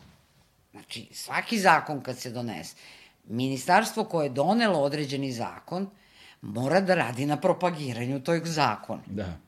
A propagiranje nije samo da da izjavu jedan put u tri godine na televiziji ili na, na sajtu da izađe, nego prvo da edukuje ljude koji su iz te oblasti, da oni znaju šta je taj novi zakon doneo. Mi smo imali situaciju da Znači, pre pet godina, ne znam gde smo držali neku obuku i šta znam, e, zaposleni u Centru za socijalni rad, zaboravila sam sad u kom mestu, ne, nije ni važno, ne znaju da postoji usluga stanovanja uz području. Ne znaju šta je. Pa čekaj, kako to može? Da. Pa čekaj, oni treba da budu ti koji, koji to znaju, pa propagiraju, pa kažu roditeljima kad dođu kod njih, pa imate ovu mogućnost, imate... Tako da je taj, taj jaz između onoga što formalno pravno zakon donosi kao mogućnosti i onoga što se stvarno um, na neki način potencira i gura ogroman. Mi i dalje guramo i potenciramo, recimo, dnevne boravke. To je usluga iz prošlog veka. To, mislim, potpuno onako. To je samo, eto, da imaš gde da odvedeš dete dok si ti na poslu Tako je. Da. Potpuno i okej, možda dnevni boravak ima neku funkciju za decu 8, 9, 10 godina. Nekog sa 17, 18 godina, 20 godina, 30 godina, 50 godina, vodiš u dnevni boravak. Malo je stvarno, mislim, degutantno. Da, pritom i kad ih odvedeš u dnevni boravak, što znam iz ličnog iskustva, ko ti garantuje u tom dnevnom boravku da će se da će vreme biti provedeno kvalitetno na bilo koji način. Pa da, to je, Pritom, to je dnevni boravak u koji dolazi samo kad si ti na poslu, znači tamo nema prijatelje, tamo nema Jest. nikakve bliske kontakte, tamo, znaš, i onda I onda ide ta strepnja toga, sad ti ideš na posao, znači ja sad idem Jest. u dnevni boravak, znaš, to razdvajanje, to je sve... Ne, ne, to- jako to, je, To kažem- bude noćna mora. Jeste, ali kažem, osnovni problem je ta needukovanost ljudi iz oblasti socijalne zaštite o novim uslugama, roditelja, e, institucija, lokalnih samuprava, što bi onaj tamo, ne znam, predsednik opštine Knjaževac, znao za uslugu stanovanja uz podršku. Mislim, on ne mora da zna to. Ali, Centar za socijalni rad odande ili udruženje roditelja ili roditelji. Ja sam sama išla na ova vrata, na ona vrata, kucala, od, mislim, izbacivali me, ja se vraćala, ja, on me izbacio, ja ponovo se vraćala. Znači, moraš se boriš. Da. E, to je, i, ali kažem, ono što mene sad već polako brine je to što to nije masovno, što se ne otvara po drugim opštinama, što ljudi prosto ne prepoznaju, svi nešto kao jao, ali ipak ono što je država, a da ima to, taj segment je još. To beskrajno poverenje u državne institucije. Da. Ničim izazvano. Ja nemam poverenja ni u jednu državnu instituciju. Ni sad, ni ranije. Ali to kao, ipak je dom državni. Ima jako mnogo roditelja koji su svesni da je stanovanje uz podršku dobra stvar ali onda prevagne taj element. Ali dom je ipak državni, a ovo je privatno. Pa ja kažem, nije udruženje građana, nije privatno, nije to moje. Da. Ili nas osnivača. Mislim, to je jedna, je, jedan sistem koji funkcioniše i ja kad ne budem više živa, on će i dalje da funkcioniše, šta ima veze, bit će neko drugi u upravnom odboru. Da. Marina će da ode u penziju, pa će neko drugi na njeno mesto doći. Mislim, to nije privatno u smislu, pa čak i da je privatno. Bože moj, firme postoje, pa se gase, pa se napravi druga. Jeste ovo osetljivo, ali kažem, taj argument da su domovi državni preovlađuje. I sad dolazimo, izvini, do finala, to su pare. E, to, to, to sam i hteo. To znam da si hteo. to si hteo, da. da. Znači, ta usluga košta otprilike realno 600-700 evra mesečno po, po osobi. To je neki prosek. Onda bi, kad bi stavili sve na papir, koštalo bi verovatno preko hiljadu. Da. Ali da kažemo da je ovo, to su velike pare. Znači, za jednu kućnu zajednicu, mi sve kućne zajednice koje imamo, sve su po četiri. Da. A, nama grad Pančevo finansira 60-70% zarada za dve kućne zajednice. Zarada za asistente podrške. Znači svaka, za plate njihove. Plate njihove. Znači svaka kućna zajednica mora da ima po četiri asistenta, znači to je četiri minimalne plate, oni imaju minimalac. Moramo da imamo koordinatora usluge, e, moramo da imamo direktora, administrativnog radnika, knjigovodstvenu agenciju i naš, e, znači, opština Pančevo za dve kućne zajednice finansira 60-70% tih troškova. Da. Trošak samog stana najam stana, struja, grejanje, telefoni, šta ja znam, hrana, higijena, finansiraju roditelji. To je za pančevce. Tako da pančevci koji koriste uslugu stanovanja uz podršku za, iz dve kućne zajednice plaćaju samo ovaj deo koji pokriva troškove stana, hrane, higijene i da. tako dalje, a plate finansira grad Pančevo. Ta treća kućna zajednica nama služi za te strance, kao što je tvoja baća. Vi, pošto niste stanovnici Pančeva, znači morate da imate e, prijavu prebivališta, a ne boravišta. Da. Pošto niste stanovnici Pančeva, vi morate da plaćate punu cenu. Da. Puna cena je ta, 600-700 evra. Mi imamo, znači, njih troje, čet, troje da. četvoro, koji su nepančevci, da tako kažem, i koji plaćaju tu punu cenu. I to je enormni trošak, ja to znam. Mi smo samo uspeli kod jedne naše članice, pošto je ona iz Valjeva i ovom prilikom želim da pohvalim opštinu Valjevo, opština Valjevo, ona ima penziju pošto su i roditelji preminuli, ona ima penziju, a opština Valjevo uplaćuje razliku između njene penzije i pune cene stanovanja uz podršku, svaka im čast. Svaka čast. Svaka im čast. Na, znam da zvuči da. kao malo, ali ljudi moraju da ali razumeju to koliko je, je to veliki korak. To je korak. strašno. Ona, sad... ja ne znam gde bi ona završila da, da nije kod nas. Da, mislim, mi se, ono što, čime se ne bavimo ovde, a što je ogroman spektar, jeste ceo s kakvim problemima intimnim, privatnim, porodičnim se suočavaju osobe Jeste, pogotovo kad im roditelji ovaj, preminu. Posledno kad ostanu bez roditeljskog staranja. Znači, neko to... ima braća, braću, sestre, neko nema. Ne, mislim, neko ima rođake I, koji... I pritom tu govorimo samo ukoliko podrazumevamo taj primarni e, problem sa kojim, koji imaju, dakle, tu smetnju, da, sindrom, da, da, šta da. god. A, gde, a šta ako neko pored toga ima sekundarni? Znaš, na primjer, ako je neko, recimo, ima autizam i paraplegičar, da, da, pa, recimo. Da, da, da, ćemo yes. onda, znači, tako da nisu uvek, neko ima Downov yes. sindrom i slabovidje. Ja moram znaš. da, da priznam da smo se mi prilično, mislim, prilično, mi smo se ogradili e, i mi licencu i tražimo isključivo e, mi ne, ne pružamo uslugu stanovanja uz podršku za osobe kojima je potreba, kojima je neophodan taj prvi, odnosno koji imaju psihotične smetnje, psihijatrijske smetnje, e, neke bolesti, fizički da. invaliditet ili tako dalje, zato što nemamo kadar edukovan da se bavi time. Za sada imamo tu vrstu, da. kako da kažemo, ograde. Jel? Pritom tog kadra je toliko malo u Srbiji. Ljudi, ne, to, to, ja, prosto, ja to ne mogu da nazovem poslom koliko pozivom. Zato što količina ljubavi i strpljenja yes. smirenosti koju moraš da imaš kao nadogradnju na jedno ogromno obrazovanje, yes.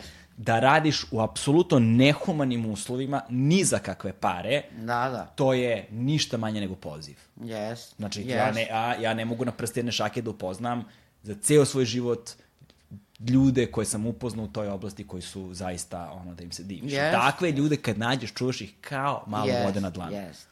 Meni je, ja stvarno moram da onako sa, sa punim srcem da govorim samo pozitivno o svima koji rade u udruženju, pogotovo o tim asistentima podrške koji rade za minimalac. Znači oni evo sad su dobili platu, dobit će platu 30.000 dinara. Ne.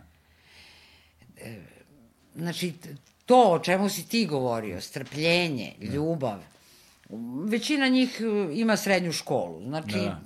nisu oni, oni ni, nemaju ni potrebe da budu edukovani, ali su išli na razne neke obuke koje smo mi ovaj, organizovali i tako dalje.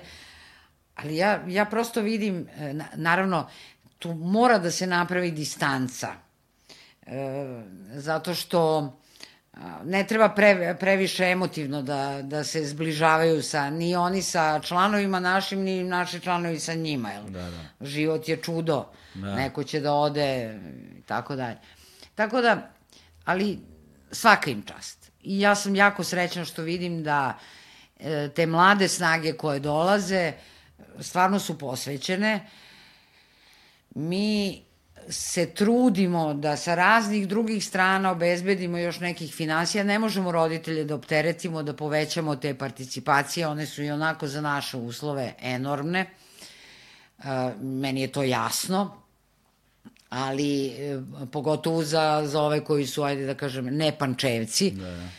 ali e, pokušavamo da, da i njima damo ne, neke malo veće plate, nešto, jer stvarno uh, stvarno su zaslužili, prosto da. ne znam koji drugi izraz da upotrebe. Ali, e, kažem, velika je odgovornost i užasno mnogo truda i rada treba da se to sve organizuje, da e, to funkcioniše.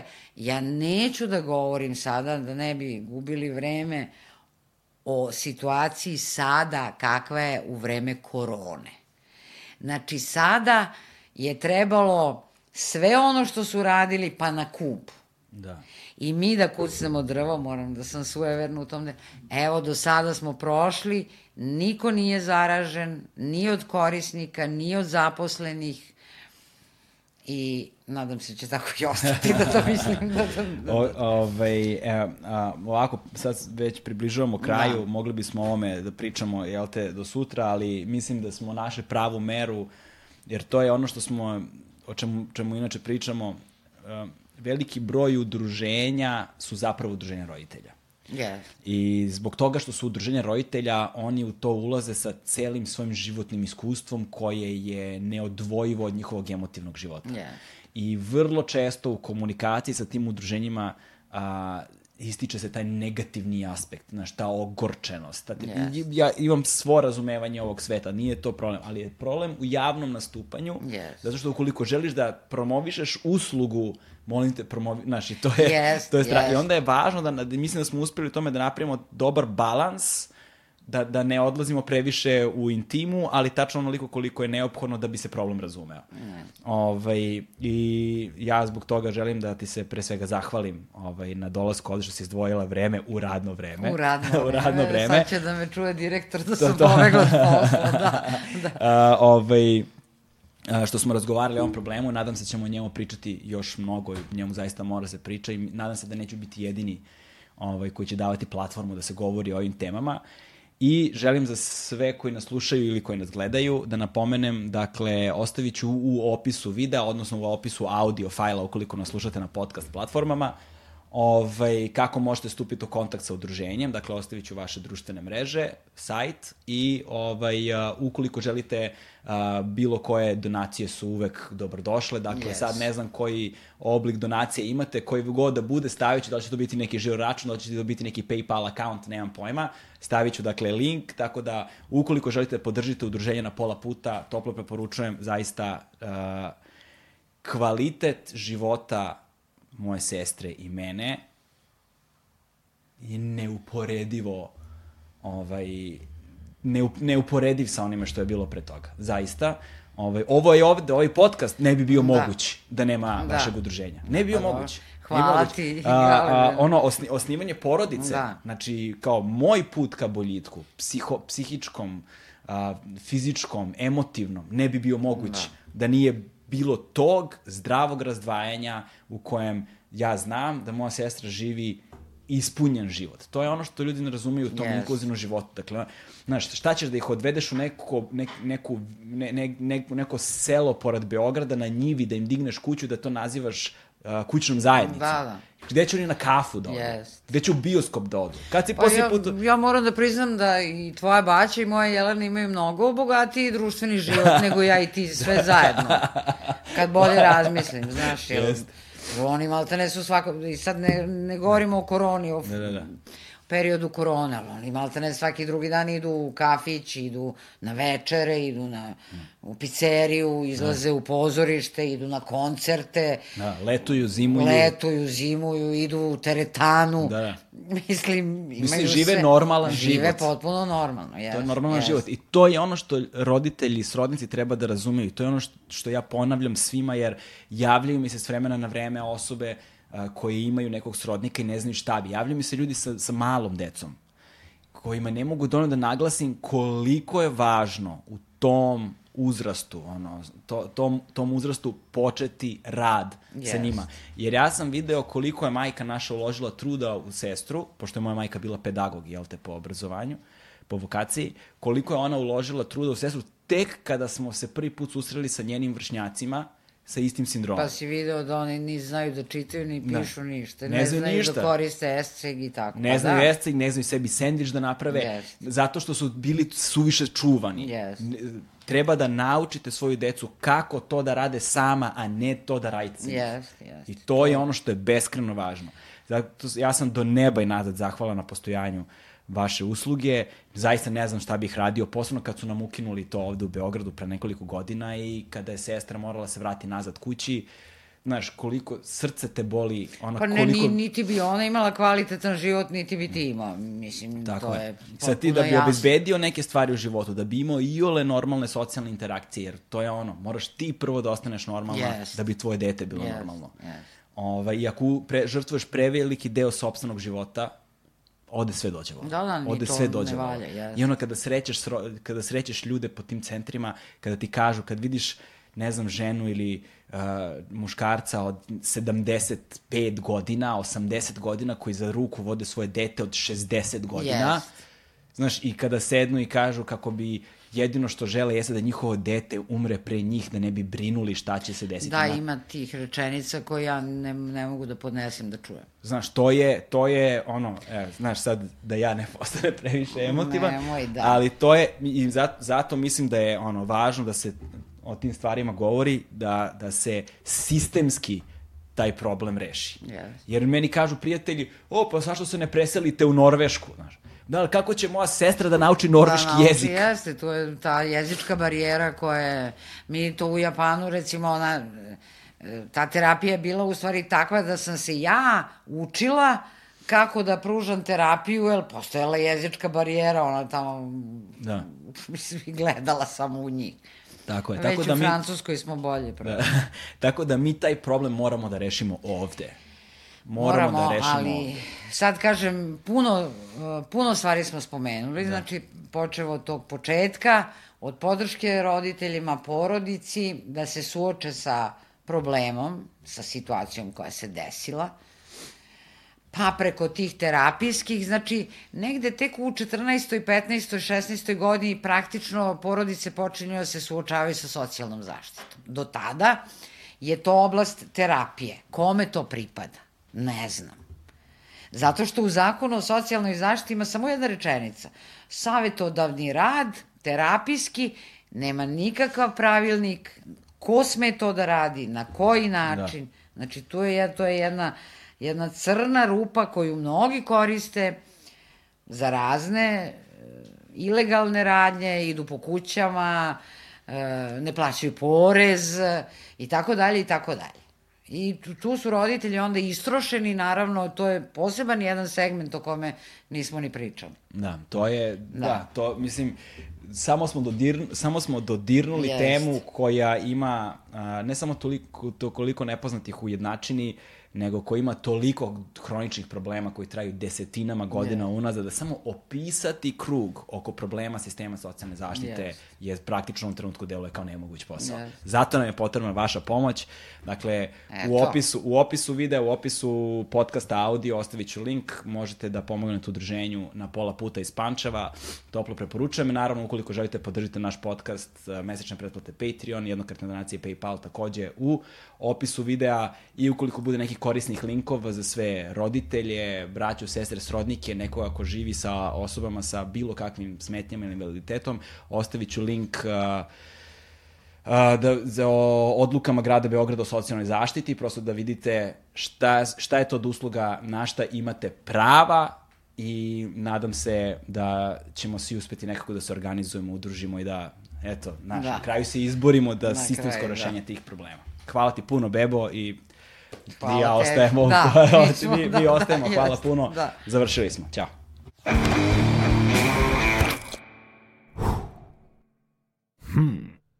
you